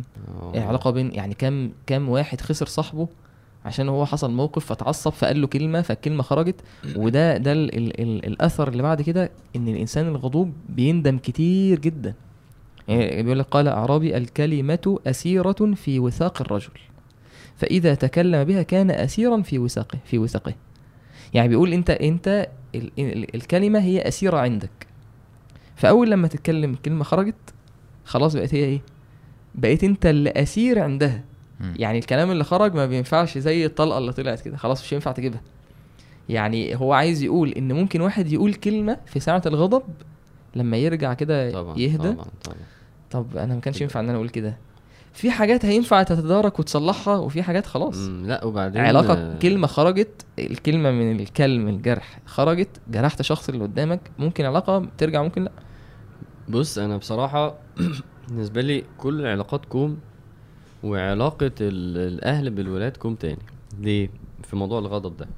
لأن اولا يعني ما أكثر ما نسمع من إنه إيه؟ إنه أم عصبية أو أبويا بيتعصب. ده رقم واحد. بعدين بعدين أنا شفت ده أنا أعرف حد قريب مني جدا وعنده دي. وأثروا على العيال كمان. ما هو أنا أصلا مشكلتي في دي ما هي بنتكلم على. أثره. هو دلوقتي تخيل تخيل أنا كل يوم بتعصب عليك مرة. يعني يعني ما هو الأب والابن ده بيشوفوا كل يوم. و... وعلى الأقل واحد بقى بيتعصب مع ابنه خلاص على طول. كل يوم يتعصب عليه. كل يوم ده كتير قوي.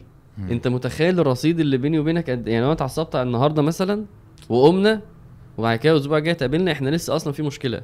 و... وتخيل بقى يجينا بعد شهر تعصب تخيل واحد بيتعصب على واحد بص أنا ما بفكرش يوم فيها بمعنى ده خالص. على الأقل مرة. أيوه ما هو دي ما هو يعني لو صاحبي اتعصب عليا مرة هبقى متضايق. ممكن. أقعد أسبوع أسبوعين على ما تصفى. مرة. تخيل بقى لما ابن بيلاقي عصبية من أبوه كل يوم مرة. مرة عشان ما ذاكرتش ليه مرة عشان اتأخرت ليه مرة عشان وطي يا ابني البتاع ده مرة عشان ما تقوم توضب اوضتك مرة عشان أنت إزاي ما تكلم أختك. هو من الأب بقى واخد ال- الكارت بقى. فاهم ال... ال... أنت بتتكلم عن الأبناء الكبار شوية يعني كمان بتكلم على الايه الس- السن اللي هو إيه اللي هو سن اللي هو انت. أنت مش م... اللي هو ما عملش حاجة بس أنت مش مستحمل آه الشقاوة بتاعته مش مستحمل اللي هو لا، طفل وبعدين أقول لك حاجة الطفل أنت بتحاول تعوض ده بقية اليوم وخد كذا واعمل كذا ماشي أنت الأب بقى اللي هو اللي ابنه كبير ده مثلا في ابتدائي ولا كذا آه هو ما بيعوضش أصلا. هو الرصيد عمال يبقى بال negative بال negative عصبية عصبية. أنا أنا أعرف حد كده. هو شخص اتنين. لا هي- يعني مش ينفع أقول السالب يعني. ليه؟ عادي؟ ما أقول أنا كلمة- قلتها أنا كلمة. باللغة العربية. قلت سالب؟ آه والله. قلت سلبي. جدع حازم. ما هي سلبي خد. بالك حازم حازم هو حازم حازم حازم متربص جدا حازم ما والله. قالش كلمة. ما قالش ولا كلمة يعني. ده مش الطبيعي يا حازم برضو يعني. إيه ده؟ ماشي. آه ماشي، كمل يا باشا ماشي. كمل طب أنا عايز أسأل سؤال مش يعني تخيل خالص إن أنا ب... اهدى كده أنت بتتعصب ولا عايز إيه؟ أسأل سؤال في عايز أسأل سؤال هو هو فعلا ال... يعني مش عارف أنا بحس ده أحيانا اليوم مثلا تبقى أنت متنرفز ومتعصب ومش عارف إيه وبتاع ممكن ألاقي بنتي متعصبة برضه يعني هل هل ده بي يعني بقول لك إيه أنا بنتي عصبية جدا. بي بيتنقل ليها بيتنقل ليها من غير ما نفهمش بيه وش؟ ما هو انت بلاش نتكلم في اللي ما نفهمش فيه قال لك وش؟ لا لا ليه؟ ما نفهمش فيه ليه؟ ما هو هو اللي أنا. قرأته من العلماء قالوا ان إن ده. آه، حاجة معدية. طيب. يعني إن ده حاجة معدية. يا ابني يعني أنا قصدي بلاش يعني البيئة العصبية. أصل بص- انت عارف لما حد. يمسك على الشيوخ إنهم بيتكلموا في الجغرافيا أو كده؟ يعني فاهم؟ يعني بلاش. معلش ثانية نعدي. الحوارات. دي أنا بتكلم فيها مع مراتي كتير قوي لأن هي يعني زيادة عصبية جدا. وممكن تكون هي شخصية مثلا قيادية ولا مش عارف إيه بس هي شايفة إن إحنا بنعمل كده. فهي بتتعصب على الناس فاهم؟ يعني هي هي هي ده دي تصرفات. هي شايفة إن لما بعمل كذا هما بيعملوا معايا كذا. فبالتالي لما ده يحصل في الحياة أنا هعمل دي كده. الطريقة اللي أنا أتعامل بيها. بالظبط. فطبيعي جدا. يعني تخيل حد طلع مش شايف عصبية في حياته. فهو أصلا ال... ال... الحاجة دي ده ده ده مش يعني ده مش مجال ده دي مش حاجة هي بتستخدمها. أو النماذج اللي هو شافها بتتعامل في المواقف دي بالحلم. بالظبط بالظبط. فهو شايف قدوة فيها. بالظبط. فده مش اختيار أصلا. يعني دي دي مش مش, مش عارف الكلمة إيه يعني. قول بقى قول قول بقى خلي عادي. ما أنا أصلا بص أنا فاضل لك أربعة لسه ممكن تقول عادي. واخد بالك؟ تمام. ف... ف... فطبعا م- وده دي من الحاجات اللي مضايقاني جدا فعلا يعني إن أنا آه فعلا اللي هو إيه إحنا من إحنا بنتعامل مع معلش هزوخ كده سيكا عشان الحوار ده مهم شوية. إحنا ما بنتعاملش معاهم ان هم بني ادمين عارف؟ بنتعامل معاهم ان هم إيه حاجة اللي هو خلصيني مش عارف إيه بتاع. مش يعني بنتخطى حتة ان هم عندهم مشاعر حتة ان هم هيشوفونا بنتصرف بالطريقة دي فهيعملوا زينا حتة انه طب هي عايزة تعمل حاجة الفلانية دي ليه؟ انت عايزها تخلص عشان انت مثلا مشغول بحاجة تانية أو مثلا مستكبر ان انت تنزل لمستواها وتهلك معاها في الحوار اللي هي بتعمله فاهم؟ أو عايز تقعد مع نفسك وهي مش مقدرة ده فانت مش عارف إيه. فبتختصر ده بان انت إيه تديها على دماغها عشان هي تركن على جنب دلوقتي عارف؟ فالحوار فعلا بشع. انت ما عندكش المشاكل دي؟ لا أنا بس الله. يعني موضوع level ده بس يعني؟ هبقى تمام يعني آه يعني الحمد لله هشيلها لك هشيلها لا لك يعني هو أكيد عندي جزء منه أو يعني في في في في حوارات يعني مع, ال- مع, مع أكيد مع ولادنا يعني بس بس مش الدرجه دي يعني ما شاء الله. آه مش الدرجه يعني عادي مش الدرجه دي درجة أقل يعني خلاص انجز. طيب ادخل في اللي بعده المهم المهم أنا بس كنت عايز دي أسباب كنت الغضب؟ عايز أنوه لدي آه آه، وأنت عارف لماذا نغضب؟ في آه، الدوافع النفسيه آه، ش- حازم قال حاجة ودي من من أسباب أنا بشوف لماذا نغضب عشان أنا بشخصن الموضوع بيني وبين الخلق. وده اللي أنت قلته. أيوه هو هو هو بيعتبر إن هو بيتعامل مع مع الخلق. هو لو اعتبر أنا إن محور هو- الكون. هو لو لا لا بيشخ... لا قصدي إيه؟ لو اعتبر انه هو بيتعامل مع ربنا آه تمام فهمت فهمت فهمت. مش مع الإنسان ده هي ده ده ده هينقله نقلة تانية خالص. إيه اللي أنا فيه وإيه اللي بيحصل؟ إنما هو إحنا من من مشاكلنا ليه بنغضب؟ لأن أنا بتعامل مع الشخص والموقف بعيدا عن إنه دي عبودية. فهو مش مركز إنه دي حاجة بيني وبين ربنا. وإن هي زي GTA عارف؟ انت أنت الأساس وفي وفي دلوقتي حاجة. وشوية الناس دول أسباب كده عشان بس اللعبة تمشي. مم. فأنا بشوف فعلا كده اللي بيتعامل مع الموضوع على إنه ربنا باعت لي ده دلوقتي واختبار للغضب وبعت لي ده دلوقتي واختبار للحلم وبعت لي ده دلوقتي عبودية عشان الكذب. بيتعامل مع ربنا مم. مش معاه. لما بقى ليه بنغضب؟ لا- هتلاقي بقى إيه؟ أصل هو عصبني أصل هو اتأخر أصل أنا بشوفها بقى في دي. لما بي بيتكلم بس عن الموقف والشخص وبينسى تماما العبودية و... وإنه ده حاجة أصلا قدر عشان أنت تبتلى لا بي خلاص بيتكلم في في تفاصيل الموضوع بعيدا عن دي إيه أصلا. مستوى كبير الصراحة مستوى عالي يعني إن الواحد يتعامل بالطريقة دي. بينقل نقلة تانية خالص أصلا. أنت يعني فعلا حقيقه أنا مش بتعامل معاك دلوقتي. مم. إن أنت بس ربنا عشان يختبرني. أنا متخيل إن فعلا أسوأ الظروف مع في التربية مثلا. مم. يعني حتى لو أنت يعني مش عارف تبقى أب كويس مثلا. ولو اتعاملت مع عيالك بطريقة إن ماشي أنا لازم أصبر دلوقتي ويبقى عندي حلم وأتخطى الموضوع ده لأن ده ابتلاء. عارف؟ لو أنا عايز أشتغل مش عارف أشتغل. عايز أخلص م- المكالمة مش عارف. مم. عايز أقعد هادي مع نفسي مش عارف. عايز أقعد مع مراتي مش عارف. أه واتعاملت مع ده إن هو ابتلاء. أظن دي خ... يعني يعني قطعنا 50 60% من المشكلة أصلا أو أكتر كمان يعني. ماشي. أنا بقى عايز أقول حاجة تانية في الحتة دي. جاية من حديث النبي صلى الله عليه وسلم اللي هو ليس الشديد. بالصرع السرعة. الاثنين ليس الشديد بالصرع أنا هبص الحاسب عشان ما أحسش إن أنا يعني الاثنين طب هي معناها إيه؟ يعني صاد ولا سين؟ المصارعه أوكي بالصاد يعني. آه. حلو. الاثنين عادي يا شريف يعني. قريتها والله لسه أنا. ماشي. شكل. ده حديث. آه طب يا. إيه الحديث أنت بالصرع. هو النبي عليه الصلاة والسلام قال ليس. الشديد بالسرعة. السرعة يعني اللي بيصرع الناس يعني جامد. اللي هو القوي سبحان الله. اللي بيصرع الناس. فقال إنما الشديد الذي يملك نفسه عند الغضب. يعني هو هو مش مش مش في آه، نفي كلمة ال ال ال الشدة هي هي السرعة. اللي الشخص بيصرع الناس المصارع القوي ده.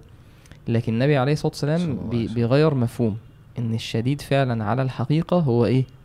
هو اللي بيعرف يتحكم في النفس. في ساعة الغضب تشيل الفيشة من هنا أيوه هي نفس. الفيشة دي هو أنا بقى إيه زي ما النقلة النوعية اللي ممكن تحصل لما واحد فعلا يشوف أنا بتعامل مع ربنا مش الشخص هنا لما الواحد يشوف في الأخلاق عموما إنه الموضوع كله صراع بيني وبين نفسي مم. وأنا اللي ضعيف مش عارف اعمله. ما هي دي هي دي صح. ما هو ده دي دي برضو دي بقى على أنا بالذات دي نقلتني نقلة كبيرة قوي. النبي صلى الله عليه وسلم بيقول القوي اللي بيعرف ما يتعصبش. القوي اللي يعرف ما يكذبش هو ليه؟ لأن هو بيعمل إيه نفسه بتقول له اعمل فهو يغلبها ويقول لها لا مش هعمل. دي قوة ودي ودي حقيقة القوة النفسية إنه الواحد يعرف يعمل ده. فلما الواحد بالعكس ده في واحد بيحس إنه الغضب هو إيه؟ هو القوة. مم. هو بيتستر ورا إنه إنه ده, ده كده الجامد. صح. هو لو أدرك أنا ضعيف لدرجة إني مش عارف ما أتعصبش أو أنا القوة فعلا إن أنا أمسك نفسي برضو دي بتنقل نقلة تانية خالص. موافق حلو قوي فهو بيغضب لإنه سايب نفسه ومش مركز بإن هو دلوقتي لازم أجاهدها. ف وبعدين دي لما- لما زي كان حد مش بيجاهد غض البصر. ف... فبيقول لي أنتوا بت... بتأفوروا يعني اللي هو إيه أنت يعني. اللي هو يعني ما هو لازم لو واحدة تعدي ما تبصش لواحد وعلى طول يعني كأن الموضوع صعب قوي أقول له يعني مش كده مش الدرجات دي يعني. هو عايز يقول لي إيه هو أنتوا ليه الموضوع صعب عليكم كده؟ قلت له عشان أنت لسه ما عملتوش أصلا. يعني هو مش واخد باله إنه بيبص يمين وشمال فاهم. قصدي؟ فلما يقول أنا هفعل غض البصر بيلاقي بيلاقي إيه؟ إيه ده إيه ده إيه ده؟ ده ده ده, ده, ده مفيش واحدة مش عايزة فاهم؟ ونفسي وتحدثني و... بيلاقي بي- بيحس ساعتها بالصعوبة. فاللي بيغضب بيغضب ليه؟ لأنه أصلا مش مفعل زرار إن أنا بتعامل مع نفسي. وبتعامل. وبتعامل مع نفسي والموضوع صعب والموضوع قوي. هذه القوة فعليا إن أنا دلوقتي أنا أنا, أنا تملكت. أنت عارف لو خدناها من منطلق آه إنه إيه الحاجة الروشة وإيه ال- فاهم؟ إيه اللي, إيه اللي مجتمعيا جامد آه. أو أو إيه مثلا في الأفلام جامد وحوارات. زي كده؟ فممكن نكون إحنا بنتزق في سكة إن لو أنت لازم تبين إنك بتعرف تزعق وتتشبحن وتعمل ومش عارف. إيه وهي دي الحاجة الجامدة. وإنك تزنق عليه بعربيتك وتنزل له والحوارات دي. وتقوم عارف؟ معدي من جنبه وتقوم أول لما ساعات تقوم. خدت حقي خدت حقي بالبص شايف إيه البص تحرقه أنا بقى ساعات بقى إيه لا أنا ممكن أكسر على حد مش واخد بالي مثلا. فهو عادي يعني غلطت ما بعرفش أسوق مثلا يعني. فيقوم هو جاي معدي من جنبك. أنا بقى عارف إن هو عايز يعدي علشان. يبقى علشان عشان يبص لي عشان البصة. عشان البصة. اقوم أنا ما مكنوش بقى من البص بصلوش. ما بصلوش. أوف يا ده فهو أكيد يفضل مات. يفضل ماشي مستني. أو كل ده؟ إيه كل ده؟ أنا بحكي الحازم الحاجات دي عشان هو إيه؟ يعملها. يعني عارف أنا عارف إن الحاجات دي بتدور برضه بتدور عنده برضه في دماغه. ف... آه فأنا قصدي أنا قصدي إن لو لو المفهوم ده آه لو- هي دي ليس شديد بالسرعه علينا أيوة. أيوة. قال كده آه، عشان. هم ده ده ده التصور يعني يعني الروش دلوقتي هو إن أنت ما تعملش يعني في كليب كده عادي كليب دي حاجة ولا لا لا لا مش حاجة اكتب بس هو لا والله مقطع ماشي. والله لا مش دي. اقسم بالله ما سلبي حازم حازم مش هيقول المقطع دي خالص ماليش دعوة عنيفة شوية الصراحة. اكتب واحد طيب عشان ما. احسش بس إن أنا ماشي ماشي آه عن واحد أسمراني وواحد تاني آه قاعدين على كرسيين كده في المطار فعلى ما يبدو الراجل الأبيض ده قاعد على حاجة بتاعت الراجل ده فالراجل الأسمراني ده بيزعق له جدا.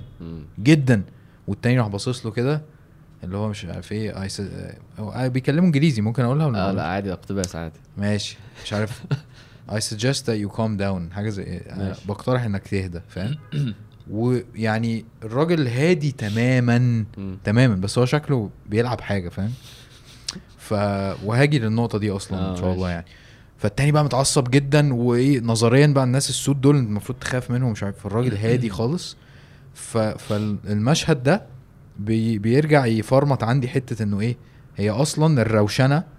هي إن أنت تبقى هادي في المواقف دي مش إن أنت بقى تعمل وما أعرفش إيه وبتاع فتيجي للناس بقى اللي عادة وده من الحلول يعني عارف إن شاء الله ممكن نتكلم عن الحلول من ال- الحاجات اللي بتهدي الواحد جدا. آه، الألعاب القتالية يعني يعني فعلا أنا أنا لعبت ممكن أنا لعبت جوجيتسو كويس أيوة. ولعبت MMA وكده بس الجوجيتسو تحديدا دي حاجة بتهدي جدا. والله. أما تحس إن أنت الثقة يعني القوة. الثقة وإن أنت تبقى عارف إن أنت تتحكم في نفسك. بالظبط. اللي هو مم. لو لو أنا اتعرضت لحاجة في الشارع مم. وحد هيهددني ولا مش عارف إيه اللي هو أساسا لو إحنا دخلنا في لو لو تقاتلنا يعني مش fight ها؟ لو تمام، تقاتلنا تمام، آه. okay؟ أصلا أنت هتت... هتتأذي جامد. يعني يعني دراعك هيتكسر مش عارف إيه اللي قدامي فاهم؟ فأنا أساسا عارف إن أنا ما ينفعش أخش في الحوار ده مم. عارف؟ ففعلا الناس اللي بتلعب جوجيتسو أكتر ناس ما بتخشش في في في حوارات في الشارع. عشان هم عارفين إن هم لو غضب هي بالظبط. ومش. وما عندهمش حاجة دي نقطة مهمة ما عندهمش حاجة يثبتوها. يعني لو غضبت هتضرب عادي فاهم؟ ما بغضبش عشان ما اتضربش فاهم فاهم نقطة إن أنا ما عنديش حاجة أثبتها؟ وأنت بتقول للناس السود دول يعني تقصد حاجة بي- بيها ولا؟ حاجة- إن هو لا، الناس قوي شديدة. إن هو قوي ناس يعني. قوية يعني. آه. ما شاء؟ الله بيطوف بيطوف الساعة 12 الظهر. آه، ما عندوش مشاكل. ربنا يبارك فيك. الدور الأولاني ها؟ آه. ف... فنقطة إنك عندك حاجة تثبتها دي اللي هو أنا حاسس إن أنا ضعيف من جوه فأنا محتاج أتشبحن. عاده بتلاقي كده ال... ال... عارف الناس الرفيعة مش عارف إيه بتاع آه عايزين ي... بتاع في... يعملوا حوار فاهم؟ آه. إنما الناس التانية الهادية الراسية اللي أنا. عندي واحد صاحبي زياد شكري إن شاء الله بيتفرج عليا. أنت كده يكو... يعني أنا ب... ب... ب... ب... ب... بكلمه يعني بقول له الحتة دي ليك يعني حبيبي ده. تلاقوش؟ يعني هو عارف. مش أنت لعبت. kick boxing تقريبا؟ الحوار بيفرق إحنا, صح؟ إحنا كلنا أبطال بيفرق. ولا إيه؟ بيفرق جدا. اللي هو أنا- يعني أنا ممكن أديك أنا ما لحقتش أنا بدات اتضرب هو عادي. فرق فرق معايا بس في الأسبوع. آه. أنت بتتضرب فعايز تضرب الناس اللي في الشارع. عادي يعني بص اللي انت اللي أنت قلته لو إحنا يعني إحنا بعد ما قلنا بس أنا هقولها تاني عشان الناس ما تنساش. أو ودي حاجة لازم واحد يفكر فيها. لو أنت بتعامل ربنا وبتتعامل مع نفسك الموضوع ده ال- الأخلاق هتفرق معاك جدا. لو بتتعامل مع ربنا مش من المواقف والأشخاص واخد موضوع تحدي بينك وبين نفسك إن أنا جاهدها وأبقى قوي الأخلاق هتفرق معاك جدا. اللي أنت قلته بقى هي إحنا بنتكلم دلوقتي على إيه؟ على الدوافع النفسية الحاجات اللي جوه نفسي اللي هي بقى لما قلنا ننزل جوه إيه اللي بيخلي الفوران يحصل؟ فاللي أنت قلته ده أصل هي إيه؟ فعلا ممكن تبقى أفكار كل واحد غير التاني خالص. منها دي بس أنا عايز أثبت إن أنا قوي.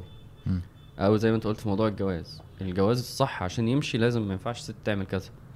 فهي بتبقى أفكار بتأدي. بالظبط. ف أنا عندي حاجتين بشوفهم على نفسي. فعايز أقولهم يعني من الحاجات دي.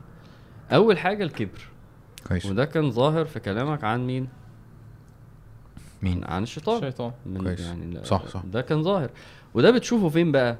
عارف أنت مثلا آه، مثلا يعني ممكن تبقى أنت عندي في البيت فأنت قمت واخد جزمة مثلا وقلت لي أنا هلبس الجزمة ماشي. إنما أخويا الصغير ياخد الجزمة بقى وينزل من غير ما يقول لي مثلا. مم. دي كانت بتعمل بيني وبينه مشاكل لما ياخد حاجة من لبسي. أنا مش مشكلتي في اللبس. مشكلتي إن أخويا الصغير ما استاذنيش فاهم؟ أنت مشكلتك أنت. إزاي ما أنت ما قلتليش لو فانت في كبر بقى. فالكبر من دوافع الغضب الفظيعة النفسية. ممكن أب مشكلته مع أولاده كبره مش إن هو جه متأخر لا هو بس ما بيستأذنش وبيمشي من غير ما هو مشكلته إن هو إيه مش مديني آه، الوضع اللي نفسي عايز تبقى. هو مشكلته الكبر. اللي بيكسر عليه ممكن يبقى عادي مش وراه حاجة. بس هو إزاي يكسر عليه؟ وبعدين ما رفعش ايده. على فكرة في واحد كسر عليك وأول ما رفع ايده انت عملت إيه؟ خلاص تمام يعني لما قال لك سوري خلاص تعتذر. خلاص. انما اللي بعديه مثلا لا ما اعتذرش لا خد تعالى. انت مش عارف أنا مين. قول كمان قول. دوس. أنا بحس الصور بتاعت ال- الكبر هو هو من أكبر يعني الدوافع اللي بتخلي الواحد يغضب حد مثلا عدى من جنبك بالعربية بسرعة إيه ده؟ انت تقصد إيه يعني؟ تعال. انت قصدك إن أنا عربيتي بطيئة؟ آه. بحس ان بي- يا عم أنا أنا مش يلا. أنا مش قصدي أنت مكبرت الموضوع ده تلاقيه جاي جنبي وقاعد يا عم في إيه أنا لسه؟ بعت لك رسالة عن الحوار ده؟ كنت هسجل له رسالة فواحد عدى من جنبي. آه. قلت له هجيبه دلوقتي. هجيبه. هجيبه آه. طب ليه اجيبه هخلص وهجيبه. خلاص عادي. ما تجري تو ربنا يوفقك. هي الفكرة دي إنه الإنسان ممكن ممكن موضوع مثلا مثلا يعني أنا محتاج أراجع دي. مثلا تأخير المواعيد ده هل هو مرتبط ب إنه هو ليه اتأخر عليا؟ فاهم. يعني أنت ممكن حد يتأخر عليك ما تغضبش حد يتأخر عليك تغضب. فممكن يبقى الشخص نفسه ال- ال- ال- الكبر بيني وبينه موجود. فأنا بشوف الكبر ما بين الناس هو اللي ممكن يؤدي لده. من بالنسبة لي من أوضح الأمثلة موضوع الإخوات ده. انت ف- دوست على طرف ما هي أنا بقول لك. لا أنا بقول لك حاجتين عندي مم. وبشوفهم جدا وعارف كويس قوي مم. يعني ممكن زوج وزوجة هو كبر هو معلش أنت كنت كاتب في الدوافع النفسية حب الدنيا ده آه ده التاني بقى إيه؟ ده التاني بقى ده هي هي نفس الحاجة هقول لك قصدي إيه ممكن يبقى أخويا خد الجزمة اللي بحبها أنا مشكلتي في الجزمة مش في أخويا. فاهمين قصدي يعني هو خد آه. جزمة الكو هيبقى قطع بوظ الجزمة هو هو حبي للجزمة هو اللي بيخليني أتعصب يعني لو واحد حك عربية حبي للعربية هو لو واحد عربيته يا جماعة مثلا يعني إيه ما شاء الله بقى لها 20 سنة ومتشخرمة ما عندوش مشاكل. غالبا لما بيتحك ما عندوش أي مشكلة لأن دي مش دو دي ما تمثلش الدنيا بيحبها دلوقتي. أنا تخيل لو واحد جايب عربية جديدة وأول أول أول خدشة ليها بيبقى عامل إزاي؟ ممكن فالغضب ممكن يجي من حب الدنيا. الغضب ممكن يجي من حبه لحاجة في الدنيا أنت برضو جيت له عليها. فالمثال برضو بقول لك بتاع الأخ ده بيبقى كومبو بقى. هو خد الجزمة البيضاء وأخويا اللي خدها. خد تعالى بقى أنت مين وأنت إزاي؟ ولا ما قلتليش بقى إيه. فالحاجتين دول تقلقش أنا بكتب آه، بس آه، حاجة. آه آه أنا خواطر. أنا مش أصل اللي بيتكلم كتير كثرة غلطة. ف كبر وحب الدنيا. أنا بشوف أنا أنا عندنا هم دول يعني أنا ممكن يبقى عصبيتي في الكورة حب دنيا. يعني أنا أنا متعصب إنه اللعب مش حلو فأنا عايز أستمتع بالكورة فأنا فأنا أتعصب من ال... من دي. مم. يعني أنا في حين إن أنا في آخر هو منافسة مش منافسة لا أصلا مش بنلعب دورة. أنا متعصب. أنا متضايق إنه اللعبه فأحس إنه ليه يطلع مع الباك؟ ليه يطلع؟ ويرجع ليه يا عم ما تسيبه؟ يا عم هو هيتوه. ما تسيبه يلعب. هو هيتوه. يا ما يطلع يا عم. هو يقول له إيه يا ياسين هو أنا يا ابني؟ أنا عندي 30 سنة ما ينفعش كده. اطلع ارجع رد اطلع. قلت له يا عم يطلع يا عم ولا عادي يعني هياخد الكوره عادي يعملوا هجمة عادي. قال لك هيتوه. فدول دول ال- دول الحاجتين ال- اللي ظاهرين عندي وبشوف انهم موجودين عند الناس إن هو يتعصب عشان الدنيا أو يتعصب عشان الكبر. اللي أنت قلته بقى أفكار كتيرة يعني أنا بقول ده فكرتين. بس فكرة ط- يعني إيه زوجة؟ يعني إيه زوج وزوجة؟ يعني إيه حدود الزوج عند دي واحد متوصفة عنده بطريقة يتعصب المساحة اللي عند الولاد. مثلا ممكن يبقى واحد من هو مش كبر بس هو الولد المفروض إن هو ما يقررش حاجة دلوقتي مثلا يعني. هو شايف كده. فالموضوع م- ما بينتهيش. الواحد لازم يخش جواه عشان يعرف إيه الفكرة. يعني السؤال اللي هو دايما القائم إن أنت تسأل نفسك أنا ليه اتعصبت؟ آه إيه الفكرة؟ أنا أنا غضبان ليه دلوقتي؟ امم فده يساعدك في حل المشكلة. يعني آه. برضو من ال- من الدوافع النفسية آه، مسألة اللي هو حب الإيه الانتصار للنفس. وهو ده يعني قريب شوية من من اللي انت بتقوله. ما هو أنا حسيت اصل حسيت انه الكبر وحب الدنيا شاملين جواه آه شاملين داخل معاهم. يعني. بس إيه يعني واحد عاي يعني واحد ما بيحبش يخسر فعايز ينط... يعني هو دخل في نقاش امم فعايز ينتصر لنفسه في المسألة دي. امم فده بيكون دافع إن هو هو مثلا حجته ضعيفة أو لقى ان هو هيخسر. امم فيكون حبه للانتصار للنفس هو بيحب نفسه مش عايز يخسر. فيدفعه الغضب زي الحديث اللي هو آه آه. في في البخاري. يعني النبي عليه الصلاة والسلام قال في- البخاري عن عبد الله بن الزبير رضي الله عنهما قال أن رجلا من الأنصار خاصم الزبير. قال عند النبي صلى الله عليه وسلم في شراج الحرة التي يسقون بها النخل. يعني هو مثلا زي ده ليه أرض وده ليه أرض ببساطه يعني وإيه بيبقى فيه ال- المجرى. بتاع المية ال- الاناه اللي بي اللي بيبقى فيها المية دي فإيه فالطبيعي إن مثلا مصدر المية بيجي فالأرض الأولانية دي بتسقي لحد. حد معين وبعدين بيقوم الراجل إيه يفتح للشخص اللي بعده ماشي لحد لما إيه يوصل مية لآخر واحد ففي زي دور كده فده حاجة متعارف عليها مفهومة يعني. فالمهم قال فقال الأنصاري لسيدنا الزبير قال سرح الماء يمر. قال له عدي لي المية الأول ما تسقيش. فأبى عليه لأن هو عرفا حق إيه؟ مم. هو الأول حق, آه. حق الزبير. قال فاختصم عند النبي صلى الله عليه وسلم. فقال رسول الله صلى الله عليه وسلم. اسقي. غريب اللي راح النبي صلى الله عليه وسلم بالحجة دي يعني. آه قال اسقي اسقي يا زبير ثم أرسل الماء إلى جارك. فده اللي النبي عليه الصلاة والسلام عمله ده اسمه الصلح. اللي هو قال سيدنا الزبير قال له إيه؟ اسقي لحد حد معين اللي هو يعني مش مش مش مش أقصى حاجة. لكن إيه؟ لما توصل تصل, تصل لحد اللي هو الكافي خلاص إيه. سيب الميه ما تستوفيش حقك يعني كامل 100% يعني. قال فغضب الأنصاري. فقال أن كان ابن عمتك. بيقول للنبي كده. بيقول له هو عشان عشان الزبير ابن عمتك؟ أنت بتحابيه عليا وبتخليه هو يسقي الأول؟ شوف هنا إيه؟ قال فغضب الأنصاري. فقال إن كان ابن عمتك هو أصلا هو ملوش حق.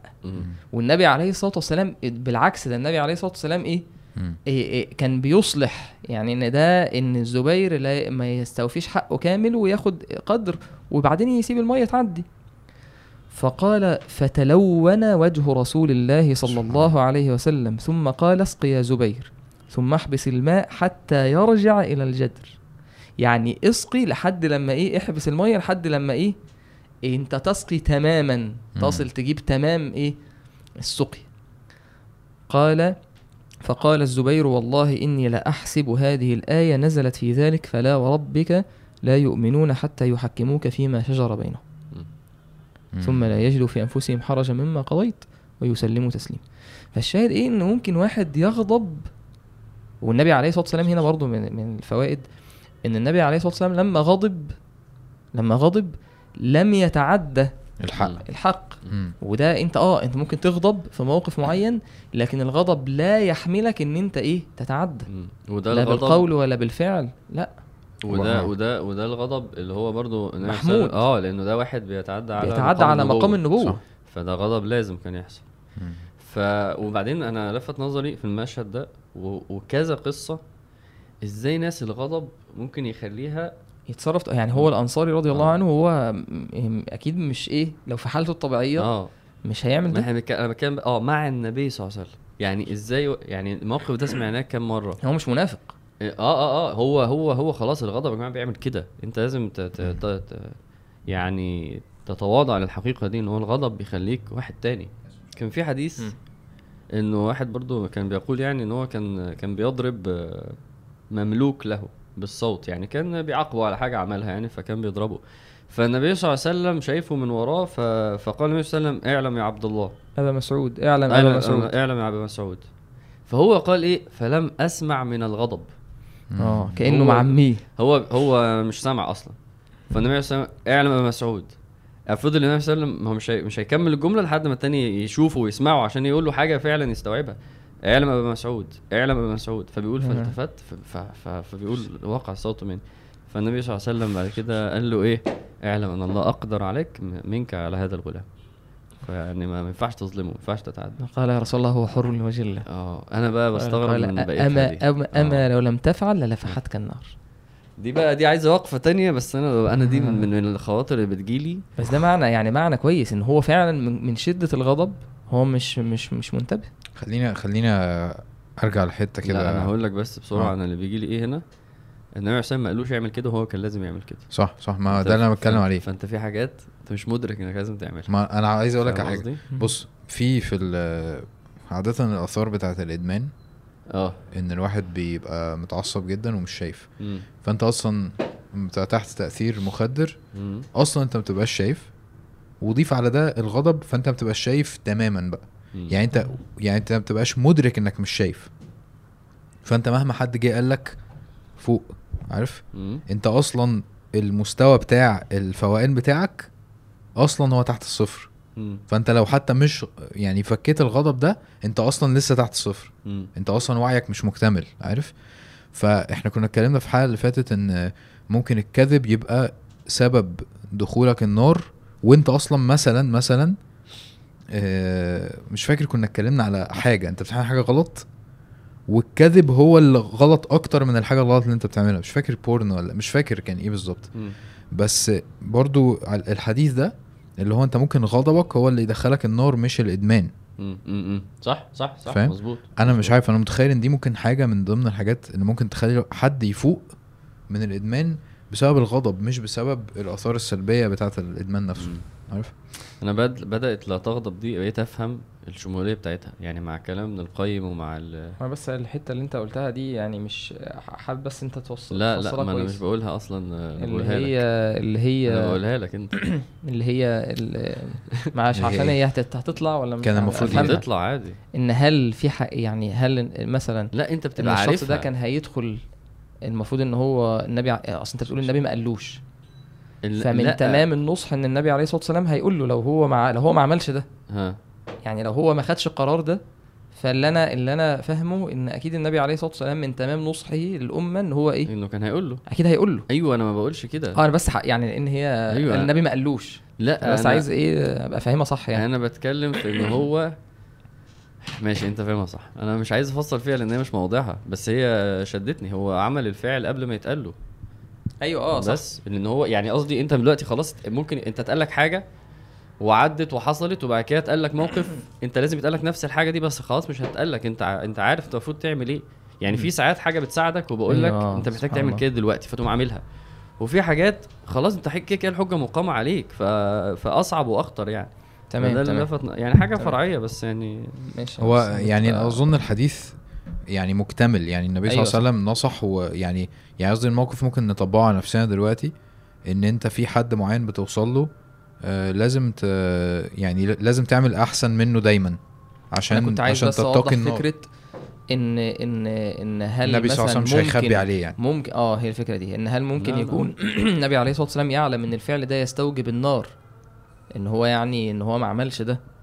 ويسيبه لا النبي عليه الصلاة والسلام هينصح له ماشي. هيبين له يعني بس مم. حبيت أوضح بس الحته دي. ماشي. نخش في إيه بقى؟ في شغل عملي شوية. يعني إيه اللي يحركني الأول؟ قبل النصايح العملية إيه اللي يحركني؟ أنا شايف أصلا كل اللي قلناه في الأول ده يحركك إن هي حاجة من الشيطان وإن هي حاجة منبوذة والنبي صلى الله عليه وسلم آه، وصى بتجنبها وإنه يعني ده كلام كويس قوي وبص أثر الغضوب والكلام ده كله.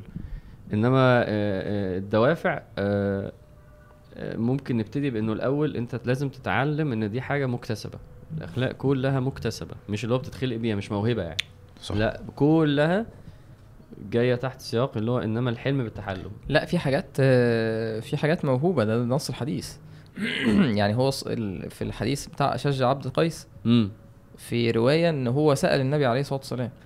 قال له قال له يا رسول الله إن دي يعني دي صفة مني ولا ربنا جبلني عليها فقال آه. بل جبلك الله عليه اللي هي إيه طيب اللي هي صفة الحلم حلو. والأناة آه. يعني في واحد بيبقى طبيعته. مايلة للحلم حلو بس واحد بطبيعته ما عصبي أقدرش ما ده مش آه يعني. ده آه يبقى صح إيه، هو صح. بقى بي, بي إيه بيكتسب بقى الصفات ضد الصفة دي أو أو إن هو يقويها أو تضعف مم. مع الضغوط مم. اللي حواليه لازم نستسلم لفكرة إن الب- البني آدم كائن آه بيقدر يتغير. آه لازم نستسلم. صلصال صلصال. مرحلة الصلصال دي. بس. فإذا يبقى تعديل آه، أسحب الكلام اللي أنا قلته ده. إن هو آه في واحد بي بي بي- بيبقى عنده آه، رصيد معين من الأخلاق وب- وبيكمل الباقي بيكتسب الباقي. هو ده. حديث؟ إنما الحلم بالتحلم؟ آه. حديث آه، صح؟ آه ده حديث مريح جدا على فكرة. يعني يعني أنت بالذات جاية في الحلم الحمد لله. بالظبط. يعني أنت لو مارست ده. هتوصل لده. مم. لو مارست هتوصل. هو حتى في حديث اللي هو ومن- يتصبر. كويس. يعني هو بيتكلف الصبر. فمهم قوي إن الإنسان يفهم دي وبعيدا عن شبهة بقى أنا أصلا كده أنا أصلا مفيش حاجة اسمها أنا أصلا كده. صح. أنت عايز تقول كده خلاص عيش الوهم. بس هو الأصل إنه الإنسان بيتطور في آه، بيتغير في معاملاته وفي أخلاقه. ده أول حاجة الواحد لازم يبقى عارفها. كويس. آه، الثواب بقى هو هو من أعظم الحاجات اللي تخلي الواحد يبقى عايز يبقى حليم. إحنا أصلا بنتكلم عن عبادة. يعني آه قلنا آه مشاكل اجتماعية ودنيوية والغضب بيعمل فيك بس إحنا أصلا بنتكلم عن عبادة. ف... فدوافع الحلم مهمة جدا. وأنا آه، يعني يعني عشان ما, ما, ما أول حاجة أنت قلت طبعا حب الله يحبهم الله فيك مم. خصلتان يحبهم الله. ربنا يحبك يعني. مم. بس الاحاديث اللي بحبها قوي مرتبطة بيوم القيامة. النبي صلى الله عليه وسلم قال من. كف غضبه كف الله عنه عذابه. يا آه. سبحان. بحب جدا الرابطة اللي هي بتسمع في الآخر سيبك بقى من كل اللي إحنا فيه ده في موضوع يوم. القيامة. من كف غضبه كف الله عنه عذابه آه، بص يا ده قلناه طبعا لما هو شريف كف. يعني إنك تسيبه يعني إنك ت... آه صح؟ يعني- ولا إيه؟ يعني آه يعني آه، ما أعرفش يعني منع يعني إن هو يحصل يعني مم. ف اللي إحنا قلناه اللي أنت قلته إنه ربنا بيتعامل معاك زي ما أنت بتتعامل مع الناس واصلا من أسماء الديان فده ده خلاص ده كده يعني بي- بيصب في في الحتة دي. من كف غضبه كف عنه عذاب إنما الحديث. ال صحيح. جميل قوي صحيح. ال- آه إنما صحيح يا عم إيه؟ صحيح. اللي هو إيه؟ اللي فات ده؟ من كف مش لازم غضبه بقى اللي هو لازم بقى. انهي هو أنت ما أنت مالك مال منهجي يا عم في التضعيف أنهي أنهي؟ من كف غضبة؟ آه. ولا أنهي؟ الله. اللي هو آه من كف روح غضب دور روح معرفش. دور بس روح دور. أنا ما أعرفش بس أنا. هسيبه بقى طب مين اللي قايله طيب؟ قال رسول الله صلى الله عليه وسلم. إحنا لسه المره اللي فاتت قايلين. إيه؟ بنتكلم بس عايز اعرف والله بس الحديث منين يعني؟ أصل هو جديد يعني. هقوله لك حاضر هقوله لك طب طب ابحث طب والله يعني مش موجود بقى مش, أنا- ما مش أنا في التسعة مش ما- موجوده في التسعة. ما بكتبش في ال طيب ما ماشي. بكتبش والله بالتخريج. أنا كنت هتقول أنت كنت فاكرك هتقول حديث تاني اللي هو برضه تقريبا هقول. الشيخ الألباني محسنه أو صح. هقول بس بس بس. هو إحنا اتفقنا على منهج التضعيف في البودكاست. ماشي. طيب نتفق تاني. يعني ما تجزمش يعني إن هو يقول يا جماعة إن ده حديث يعني إيه مختلف فيه مثلا. طب طب أنت الأول دور عليه بس قبل ما. قبل ما تضعفه. ما أنا سألتك هو أنا ماشي.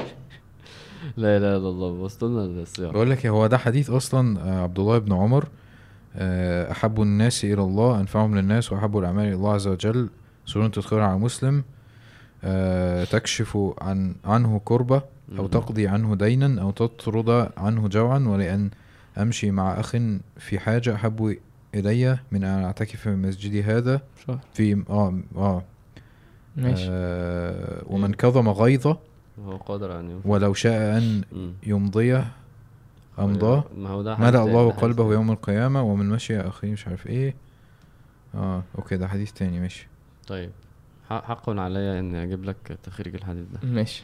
فالحديث اللي أنت بتقول آه، متنه دلوقتي ده الحديث ال- الم- المشهور. اهي ومن كف غضبه ستر الله عورته. مم.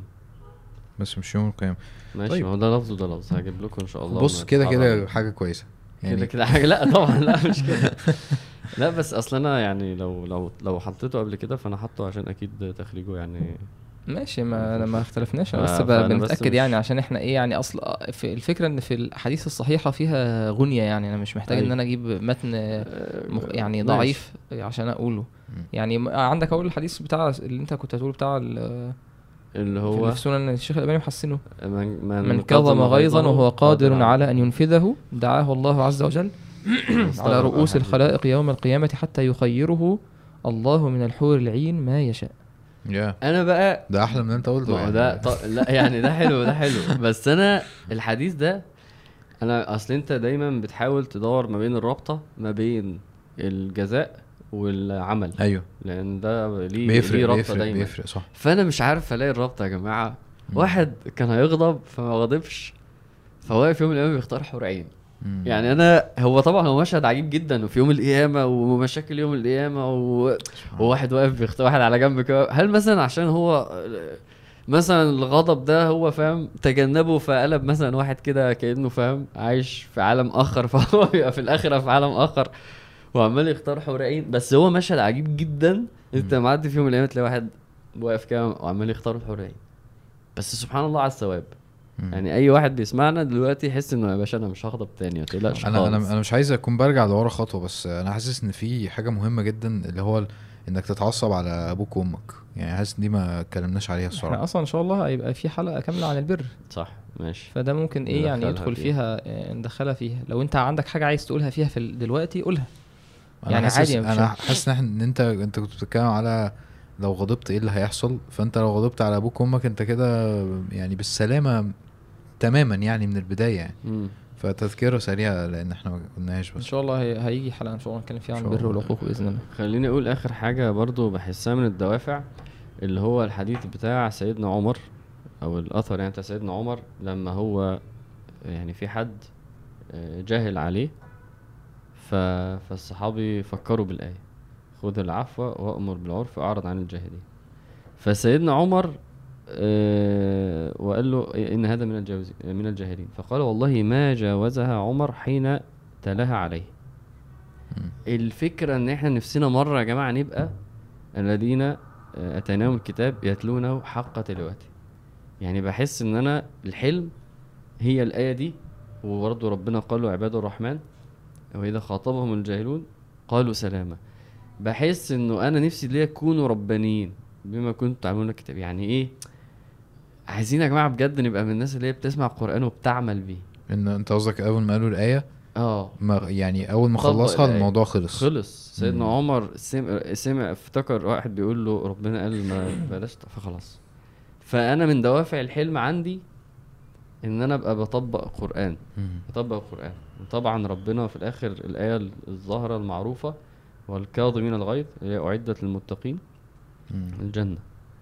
مين هم؟ من صفاتهم الكاظمين الغيظ. فالواحد بيبقى بس لو ده لو ده استدعاه كدافع أنا يا رب بطبق قرآن. أنا بعمل بالقرآن. لأن من يعني للأسف إحنا حق تلاوته إحنا آه ممكن واحد يقرأ قرآن بس العمل بيه مرحلة بتبقى. بعيدة عن كتير من المسلمين.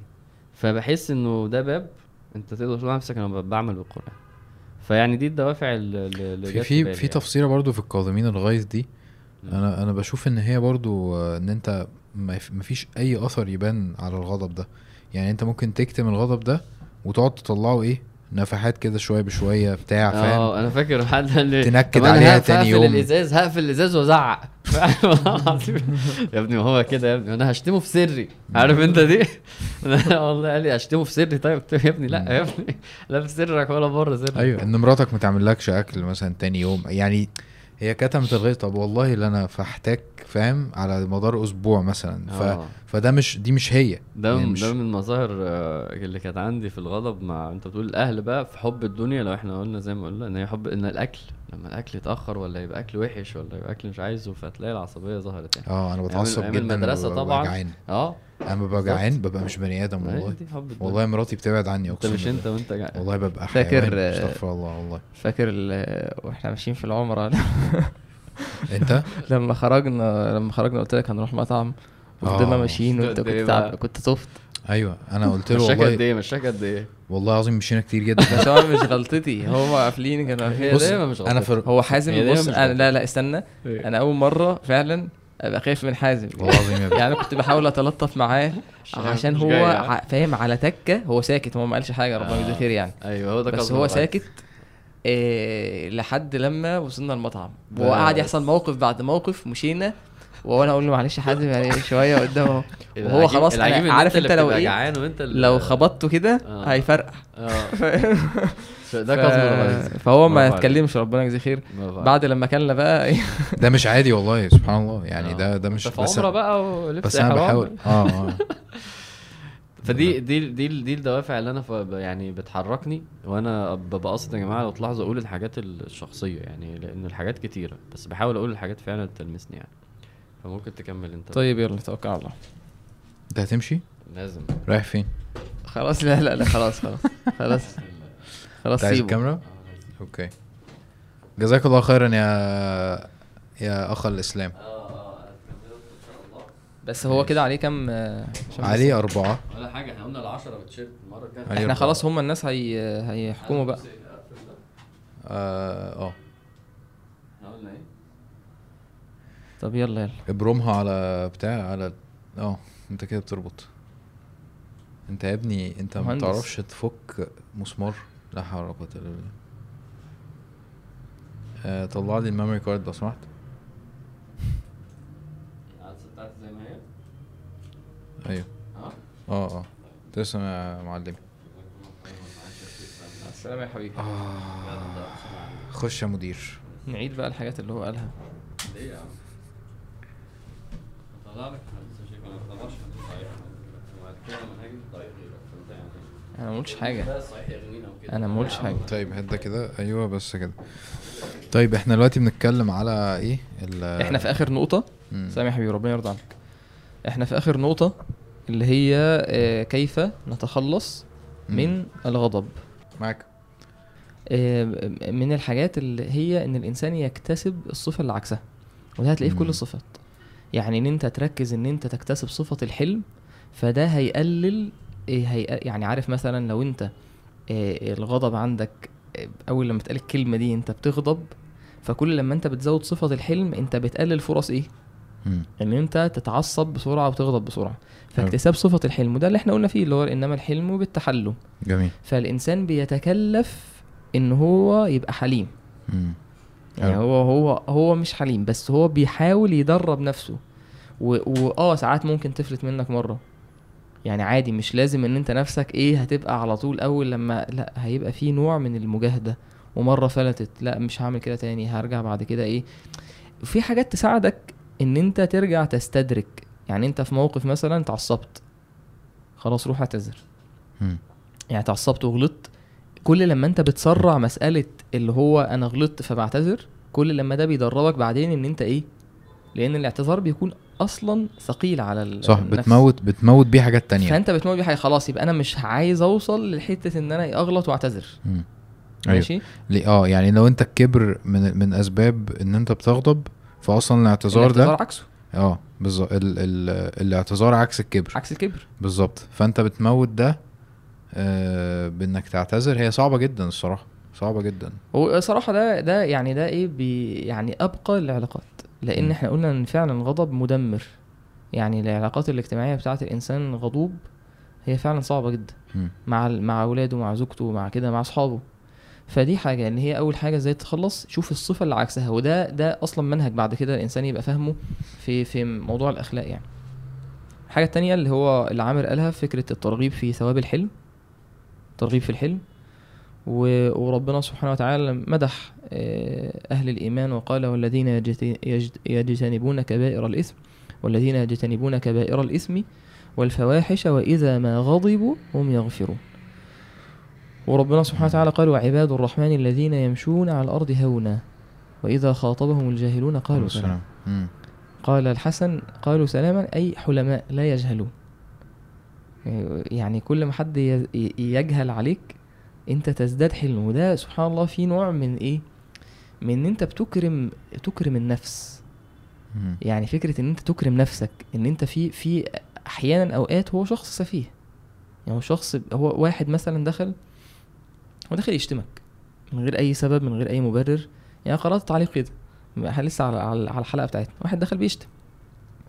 فأنت هتدخل ترد عليه ده ده نفسك. انت انت.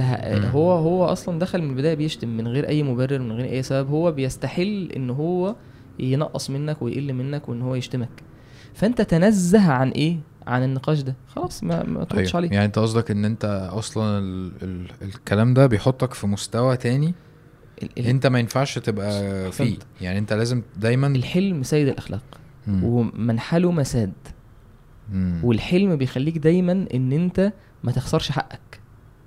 الغضب ممكن انت معاك حق مم. بس لما تغضب وتتعصب و... وتقل ادبك وتتجاوز الحد ممكن حقك يروح. مم. لكن الحليم الناس دايما في صفه والحليم ما يضيعش حقه والحليم دايما بيكسب قلوب الناس. فالحلم صفة سيادة أصلا عند العرب يعني ال- ال- ال- الحلم ده فلان ده يقول لك الأحنف بن قيس ده إزاي ساد؟ بالحلم. واحد يمشي وراه يفضل يشتمه ومش عارف إيه وما بيردش عليه. أول لما يقرب كده من الإيه من المكان ال ال ال القبيلة بتاعته يقول له بص لو ليك حاجة في شتمي خلص. لأن أنت لو دخلت لو عدينا والناس سمعتك وأنت بتشتمني آه خلاص يعني الموضوع إيه مم. كده. إيه واحد سب ابن عباس في يوم ابن عباس رضي الله عنهما يقول لعكرمة إيه هل للرجل من حاجة فنقضيها؟ شوف هو محتاج حاجة فالراجل ي- يستحي. فصفة الحلم أصلا صفة إيه؟, إيه؟ زي ما ربنا سبحانه وتعالى قال ما ازداد عبد عبد بعفو إلا عزة. لما أنت تحلم وتعفو وتتجاوز ده مش بيقل منك.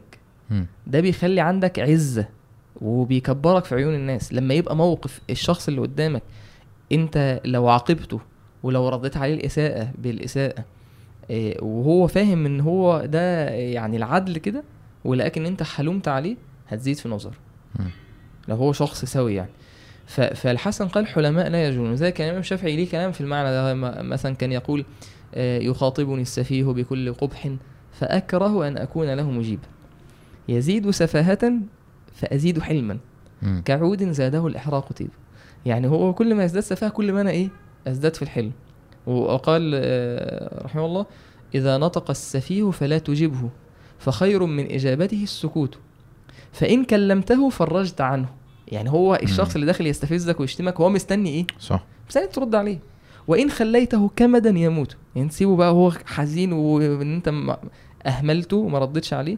هو كده. فالحلم صفة عزة. ده اللي إحنا عايزين نقوله. يعني أنت وعيك بال يعني بالناس اللي بتغضب. يعني لو أنت قدامك حد بيغضب وعيك دلوقتي بإنك شايف ده بيغضب فأنت مش عايز تبقى زيه. مش عايز أبقى زيه. فهو بيفكرك باللي أنت ممكن تكون عليه. صح. أوكي. ماشي فاحنا قلنا إن ال- الأول بنتكلم دلوقتي عن الترغيب في الحلم وإن النبي عليه الصلاة والسلام قال إن دي فعلا قوة النفس إن أنت ليس الشديد بالسرعة إنما الشديد الذي يملك نفسه عند الغضب وقال إن فيك خصلتين يحبهما الله ورسوله. فدي صفة ربنا بيحبها والنبي عليه الصلاة والسلام بيحبها. صح صح ودي صفة كانت في النبي عليه الصلاة والسلام. صح صح هو كان حليم لا يعاجل الناس بالعقوبة. الأصل فيه الحلم ودي صفة من صفات ربنا. وانت أصلا تحب إن ربنا سبحانه وتعالى يتعامل معاك بالحلم. يعني انت أصلا عندك مشاكل وعندك ذنوب وعندك أخطاء. فلو إحنا لو إحنا ربنا سبحانه وتعالى هيعاملنا على على ال- المعامله العدل يعني إن أنت تغضب تغلط فتعاقب ما يعمل سوءا يجز به. لكن ربنا سبحانه وتعالى أنت تحب إن هو يعاملك بالحلم. تحب إن أنت تغلط فربنا يحلم عليك. وهو حليم سبحانه وتعالى. فده معنى. المعنى الثاني من الحاجات اللي تعين الإنسان إن هو يحلم وإن هو يبتعد عن الغضب هي الوصية اللي أنت قلتها في بداية الحلقة. لكن إحنا عايزين نفهم معناها. يعني إيه؟ يعني إن الصحابي اللي راح للنبي عليه الصلاة والسلام. حديث أبي هريرة أن رجلا قال للنبي صلى الله عليه وسلم أوصني. قال لا تغضب. فهو ليه النبي عليه الصلاة والسلام قال له لا تغضب؟ ولا تغضب نهي عن الغضب. يعني إزاي؟ مم. يعني معناها إيه لا تغضب؟ يعني هل معناها إن أنا ما أغضبش ال- اللي هو مشاعر الغضب دي ما تجيليش؟ طب إزاي؟ طب ما الغضب ده شيء ممكن يكون إيه؟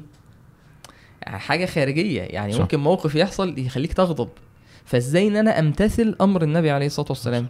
في حاجة أنا ممكن ما أعرفش املكها مش بإيدي. مم. مش بإيدي. يعني ممكن موقف يحصل فعلا يعصبك. فقالوا العلماء حملوا معنى كلام النبي عليه الصلاة والسلام على معنيين. قالوا أصلا في البداية هو النبي قال للصحابي ده إما إن دي وصية خاصة بيه يعني. هو يعلم إن الشخص ده فعلا هو محتاج إيه. هو عنده مشكلة في الغضب. ماشي؟ أو دي وصية عامة وصية جامعة. فإحنا إحنا في على كل حال إحنا كلنا إيه؟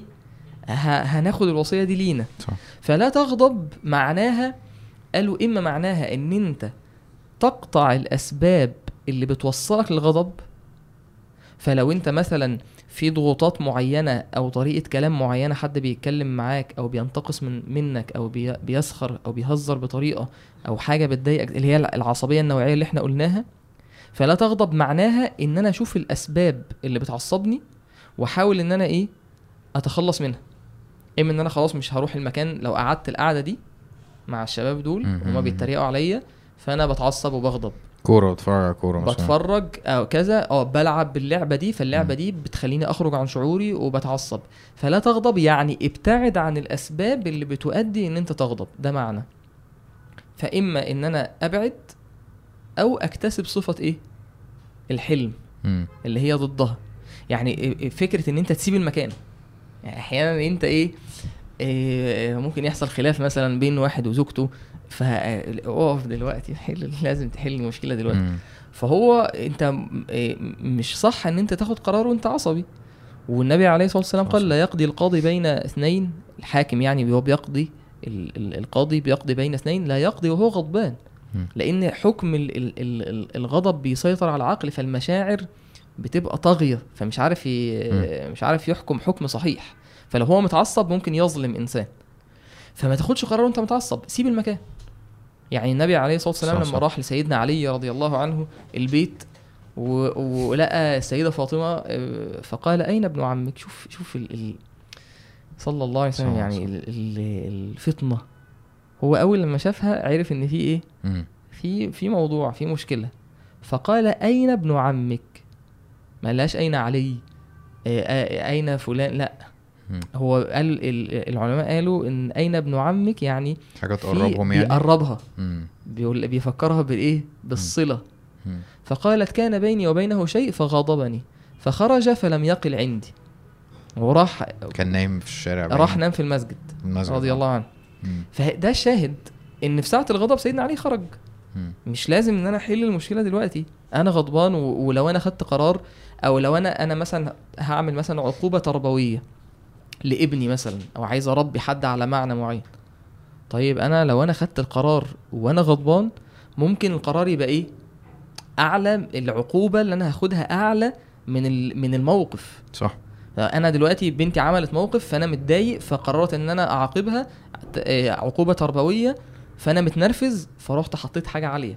كويس. يعني أنت قصدك إن آه، الواحد يتعامل يعني يتخذ حلول عملية مش لازم يستسلم للموقف اللي هو فيه اللي هو خلاص أنا غضبان فأنا لازم أعيش في ال... في الوضع اللي أنا فيه ده وأتصرف فيه. مش... لا أنت ممكن آه، النبي صلى الله عليه وسلم وصلنا إن إحنا نتوضى. توضى. لو أنت قاعد قوم اقف لو أنت غير. الوضع. بالظبط. آه. ممكن تسيب الأوضة اللي أنت فيها. بيوصوا كده لو أنت في التربية برضو آه، ممكن تروح أوضة تانية.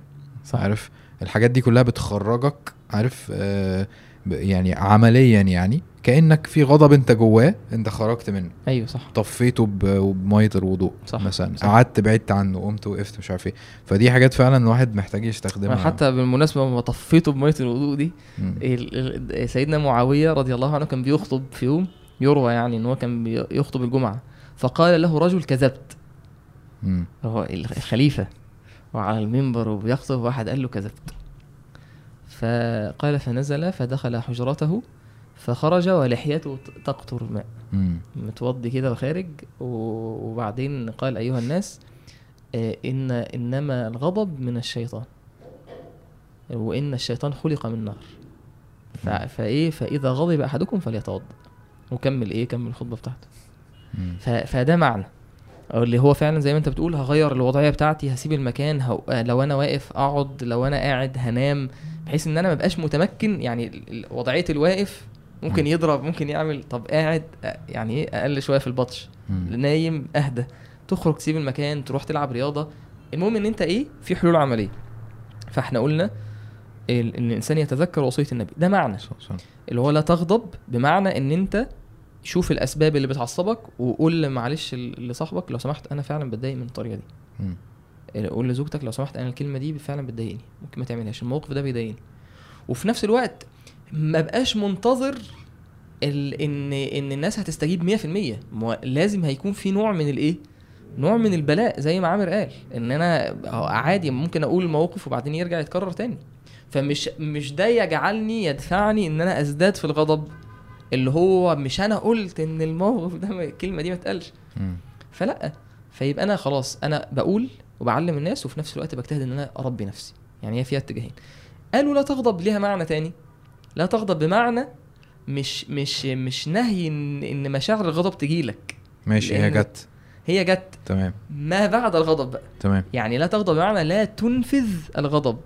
اللي هو يعدي بقى الغضب ده إن هو يخرج بقى بكلمة برزعة باب بتكسير حاجة بضرب بقتل. لا ما تعملش ده. وذلك حتى في قال قال ميمون ابن مهران جاء رجل إلى سلمان سلمان فارسي رضي الله عنه. فقال يا أبا عبد الله أوصني. فقال لا تغضب. فقال أمرتني الا أغضب وإنه لا يغشاني لا يغشاني ما لا أملك. مم. يعني تقول لي إن أنا ما أغضبش وإزاي؟ أنا في حاجات بتعتريني أنا لا أملكها. كويس. فقال فإن غضبت. فاملك لسانك ويدك. كويس. قال له خلاص لو أنت وصلت لمرحلة أنت خلاص بس إيه؟ امسك ده. اسكت. ما تتكلمش. إن في الغالب الكلام اللي أنت هتقوله هتندم عليه. أحيانا سبحان الله الواحد بيلاحظ الحتة دي في نفسه. أحيانا تبقى أنت مثلا متضايق أو حد قال كلمة فأنت غضبان. فتحس إن في حوار داير بينك وبين الشيطان كده. هو يقول لك طب أنت قول قوم قول له الكلمة دي. فعلا. فاهم؟ و... طب ما خلاص ما تسكت. لا يقول لك قوم قوم قول له مش عارف إيه رد عليه. صح. فهو بيسخن تحس إن في حد بيسخنك كده إن أنت إيه؟ وإزاي يعمل فيك كده؟ وإزاي إن الكلمة. دي قصدها ولذلك ال... ال... ربنا سبحانه وتعالى قال لنا المعنى ده.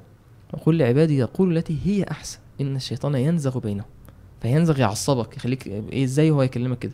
إزاي هو إزاي بيبص لك البصة دي؟ هو هو يقصد إيه؟ هو إزاي يعمل لك؟ هو بيسخر منك؟ فيفضل إيه. يسخن. فذلك ابن القيم قال فإذا كلم بعضهم بعضا بغير التي هي أحسن نزغ الشيطان بينهم. فده معنى. هو استيعاب إن الشيطان أصلا هدفه إن هو يدمر العلاقات. أنا طول الحلقة قاعد بفكر مع على بنتي يعني. آه. يعني أكيد الش- الشيطان مصلحته ليه دور؟ إن هي تطلع آه، عندها مشاكل عارف؟ إن إن علاقت علاقتي بيها تطلع بايظة. فده كافي إن هو يخليني أصلا آخد اكشن في في. الحتة دي. اكتب. اكشن ماشي. استغفر الله. هو هي كليب دي هتحسب ولا؟ لا مش هتحسب بس هو يعني أنا كده إيه أنا كده أنت واحد. وأنا اتنين. ماشي. ماشي. خلاص. كده. طيب آه، ده معنى ده معنى صح. ده معنى صح مم. بس آه كمل م-. من الحاجات التانية اللي هي فكرة إن الإنسان يفتكر عاقبة الغضب ده يوم القيامة مم. إن أنت تيجي بقى إيه عارف حديث المفلس مم. إن تيجي بقى أنت النهارده متعصب يعني م- مرة ركبت مع واحد أنا فعلا أعصابي باظت طول ما هو ماشي م- هي- هيوصلني من مكان لمكان طول ما هو ماشي بيتخانق أي حد بيتخانق مع أي حد. ما حدش عمل له حاجة يعني واحدة ست بتعدي من قدامه انت رايح وحد كسر عليه وحد ما كسرش عليه هو ماشي. شتم هذا وك آه. فالشخص ده يجي يوم القيامة اللي هو العصبي اللي هو تيجي تقول له يا فلان طب أنت متعصب ليه كده؟ يقول لك الناس هم. اللي عندهم مشكلة الناس هم اللي عصبوني تبرير. الناس هم اللي عصبوني الناس هم اللي عندهم مشكلة الناس هم اللي هم اللي عندهم مشكلة هم اللي يحلوا المشكلة دي. مش المشكلة عندنا. فده مش معتبر لأن أنت هتيجي يوم القيامة أنت شتمت ده وضربت ده وسفكت دم ده فقال فيأخذ هذا من حسناتي وهذا من حسناتي. قال فإن فنيت حسناته يعني ده ده احتمال آه، موجود إن ممكن واحد يجي يوم القيامة عنده حسنات يأتي بصلاة وصيام وزكاة يأتي وقد شتم هذا وضرب هذا وسفك دم هذا وأكل مال هذا وقذف هذا. ما هو ده آه ده الكلام ابن القيم إن هو التالت حاجة الغضب. الغضب اورث العدوان على خلق الله. فأنت مت... أنا بس بيقف حتة إن ي... إيه- فان فنيت حسناته. يعني أنت ممكن ده يكون سبب مستوعب إن واحد ممكن باب الغضب بس يجي يوم القيامة علشان ال- نتائج الغضب إيه، خلص حسناته. حسناته راحت بقى ما أنت شتمت ده وضربت ده وزعقت لده وظلمت دي وعملت مش... طيب وبعدين هتيجي يوم القيامة أخذ هذا من حسنات يعطى هذا من حسناته وهذا من حسناته فإن فنيت حسناته. يعني راس مالك خلص. راس مالك خلص. فنيت حسناته قبل أن يقضى ما عليه. مش خلاص بقى كده. قال أخذ من خطاياه من خطاياهم فطرحت عليه ثم ألقي في النار والعياذ بالله. فالتفكر في ميزان الغضوب في يوم القيامة يخليك إن أنت إيه تراجع نفسك.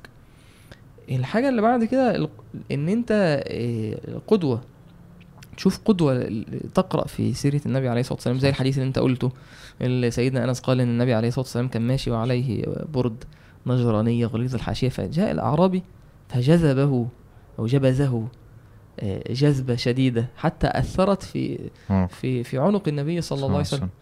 وقال يعني جمع بين الحركة اللي هي السيئة دي الفعل السيء بالقول السيء. قال يا محمد مر لي من مال الله الذي عندك. يعني هو بيأمر النبي عليه الصلاة والسلام إن هو يأمر له بالمال. فقال أنس فالتفت إليه وتبسم. صلى الله عليه وسلم وأمر له بإعطاء. ده أنا متصور يقين لو حد بيعمل معاك كده مثلا هت- هت هتلف على طول هتضربه. فالقدوة حديث أنس لما إيه، لما سيدنا أنس قال إن النبي عليه الصلاة والسلام أمرني وأنس قال كان رسول الله صلى الله عليه وسلم من أحسن الناس خلقا فأرسلني يوما لحاجة. فقلت والله لا أذهب. سيدنا أنس كان بياخده من النبي عليه الصلاة والسلام. النبي عليه الصلاة والسلام قال له روح مشوار مثلا تقضي حاجة. فقال له والله ما أنا رايح. فأنت تخيل أنت بتقول مثلا الخادم بتاعك اعمل حاجة وده النبي عليه الصلاة والسلام. صلى الله عليه وسلم.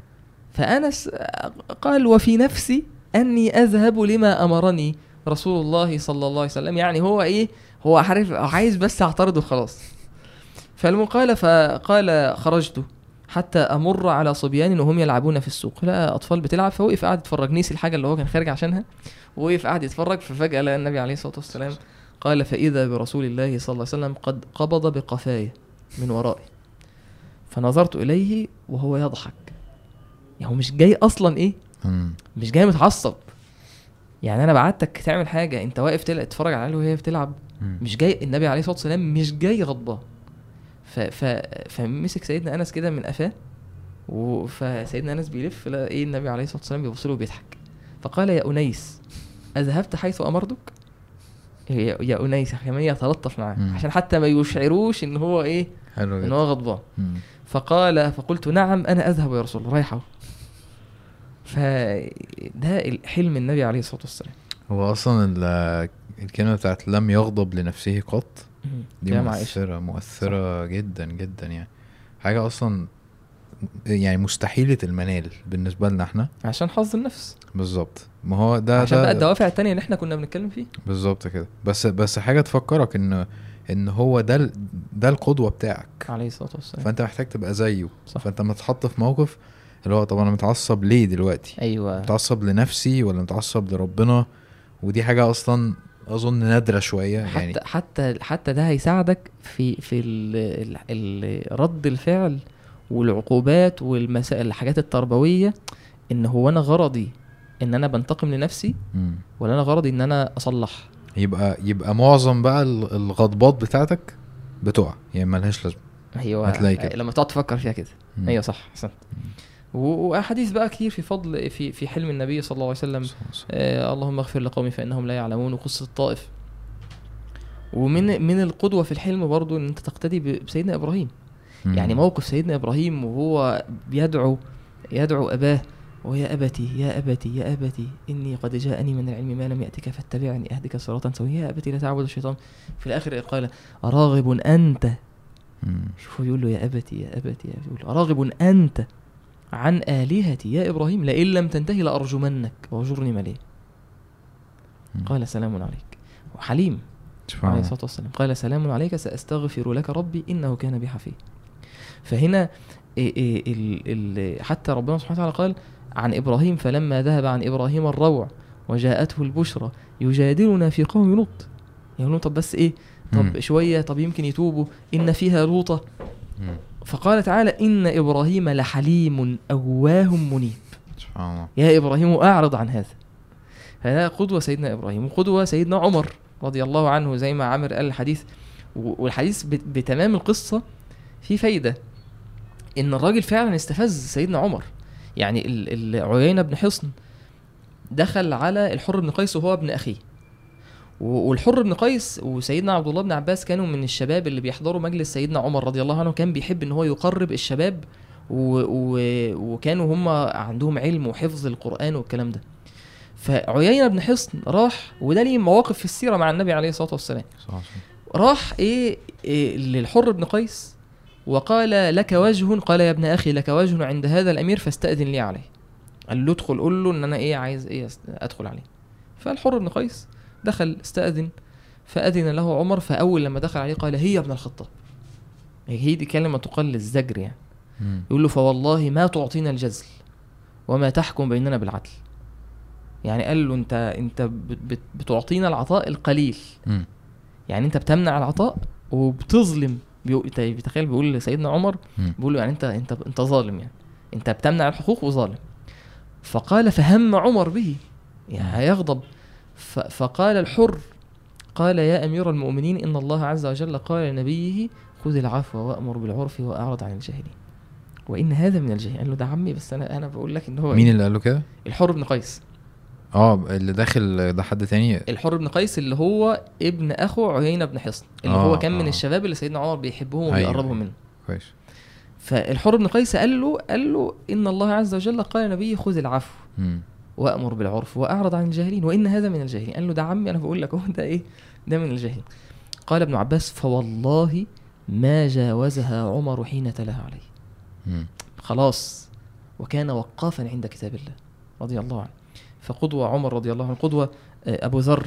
أنا بالنسبة لي برضو دي اللي هو لو حد نصحك إنك تهدى أو قال لك أو نبهك آية وحديث. مهما كان ما- يعني مهما كان هو مين؟ سنه مش عارف إيه. أحسنت. هو يعتبر الطالب بتاعه التلميذ بتاعه. عشان في في أهالي كتير آه، دلوقتي ممكن حد مثلا يلاقي أبوه مثلا بيتعصب فيجي ينصحه. آه، معرفش ده هينفع إزاي يعني معرفش ده ممكن يحصل إزاي. بس قصدي إن لو أب ولا حاجة ابنه قال له كده ما يتكبرش عليه يعني. يعني دي أكيد هتفرق يعني. صح. آخر حاجة برضو من الأمثلة إن يروى أن رجلا شتم أبا ذر رضي الله عنه فقال له يا هذا لا تغرق في شتمنا. يعني ما إيه؟ مم. زودهاش يعني. ودع للصلح مو مو يعني ودع للصلح موطنا. أو موضعا. يعني سيب إيه مساحة إيه إن يبقى في صلح ما تزودش قوي في الايه في الخصومة يعني. قال فإن ده الشاهد بقى. فإن لا نكافئ من عصى الله فينا بأكثر من أن نطيع الله فيه. يعني إيه؟ يعني قال له انت انت هتشتمني وهتعصي ربنا فيا. هتشتمني وتجهل عليا وتغلط فيا. ده إيه؟ فإن لا نكافئ من عصى الله فينا. إن هو شتمنا وغلط فينا بأكثر من أن نطيع الله فيه. يعني كل ما انت زودت يعني انت هتشتمني أنا ه... أنا هعمل إيه؟ أنا ه... هحلم عليك. مم. يعني ده المعنى يعني. فإنا لا نطيع من فإن ف- قال فإنا لا نكافئ من عصى الله فينا بأكثر من أن نطيع الله فيه. الحاجات اللي تعينك برضو آه، حتى في أقوال السلف آه، وحكي عن أن الفضيل ابن عياض كان إذا قيل له إن فلانا يقع في عرضك يقول والله لا أغيظن من أمره. يعني مين؟ الشيطان. قال ثم يقول اللهم إن كان صادقا فاغفر لي وإن كان كاذبا فاغفر له. وقيل لابن المبارك اجمع لنا حسن الخلق في كلمة. فقال إيه؟ ترك الغضب. ترك الغضب. اللي يعينك عليها وآخر حاجة نختم بيها بعد فكرة إن أنت ثقافة الاعتذار دي تكون موجودة عندك فكرة معايشة اسم الله الحليم. مم. وده إحنا قلناه في وسط الكلام. إن إن النبي عليه الصلاة والسلام قال ما أحد أصبر على أذى يسمعه من الله عز وجل. إنهم يجعلون له ندا ويجعلون له ولدا وهو مع ذلك يرزقهم ويعافيهم ويعطيهم. إيه يعني آخر حاجة الإنسان بقى يجتهد هو ياخد بالأسباب على قد ما يقدر ويجتهد في الدعاء. هو الدعاء المفروض فعلا آه، طبعا أولى حاجة يعني وما بنقولهاش في الآخر عشان هي أقل حاجة خالص يعني. بس هو الواحد بيفكر في بيها يمكن هي أهم حاجة. صح. لأن أنت إن أنت عايز آه، أما بتغضب أنت عايز تتحكم في نفسك عايز توقف حاجة تمنع حاجة. فمين هيعينك على نفسك أكتر من اللي خلقها سبحانه. وتعالى. فلازم ندعيه فعلا بكده. يعني وكل ما تبقى مدرك أكتر بتفاصيل أكتر عن نفسك كل ما هتعرف تدعي أكتر وبشكل أدق و... وتتذلل أكتر. اللي هو يا رب أنا مش عارف أعمل إيه. مثلا بضعف بتعصب على بنتي. يا رب عيني إن أنا أقدر أصبر على ده مثلا. عيني إن أنا أقدر أصبر على تعامل أهلي معايا. عارف؟ كل الحاجات دي لازم الواحد يبقى بيحاول ي... بيحاول يفكر فيها يعني. آه عايز أسألك أنت إيه الحلقة فرقت معاك في إيه؟ هل في حاجة معينة مثلا أنت هتمارسها من هو؟ أنا أنا وأنا بحضر عموما يعني كل المعاني اللي أنت بتحضر فيها بتبتدي إيه، أو إن الحاجة أنت خلاص إحنا هنتكلم الأسبوع اللي جاي عن الحلم. فأنت بتبتدي إيه؟ تراجع وتقرأ وتبحث وتسمع دروس ومش عارف إيه.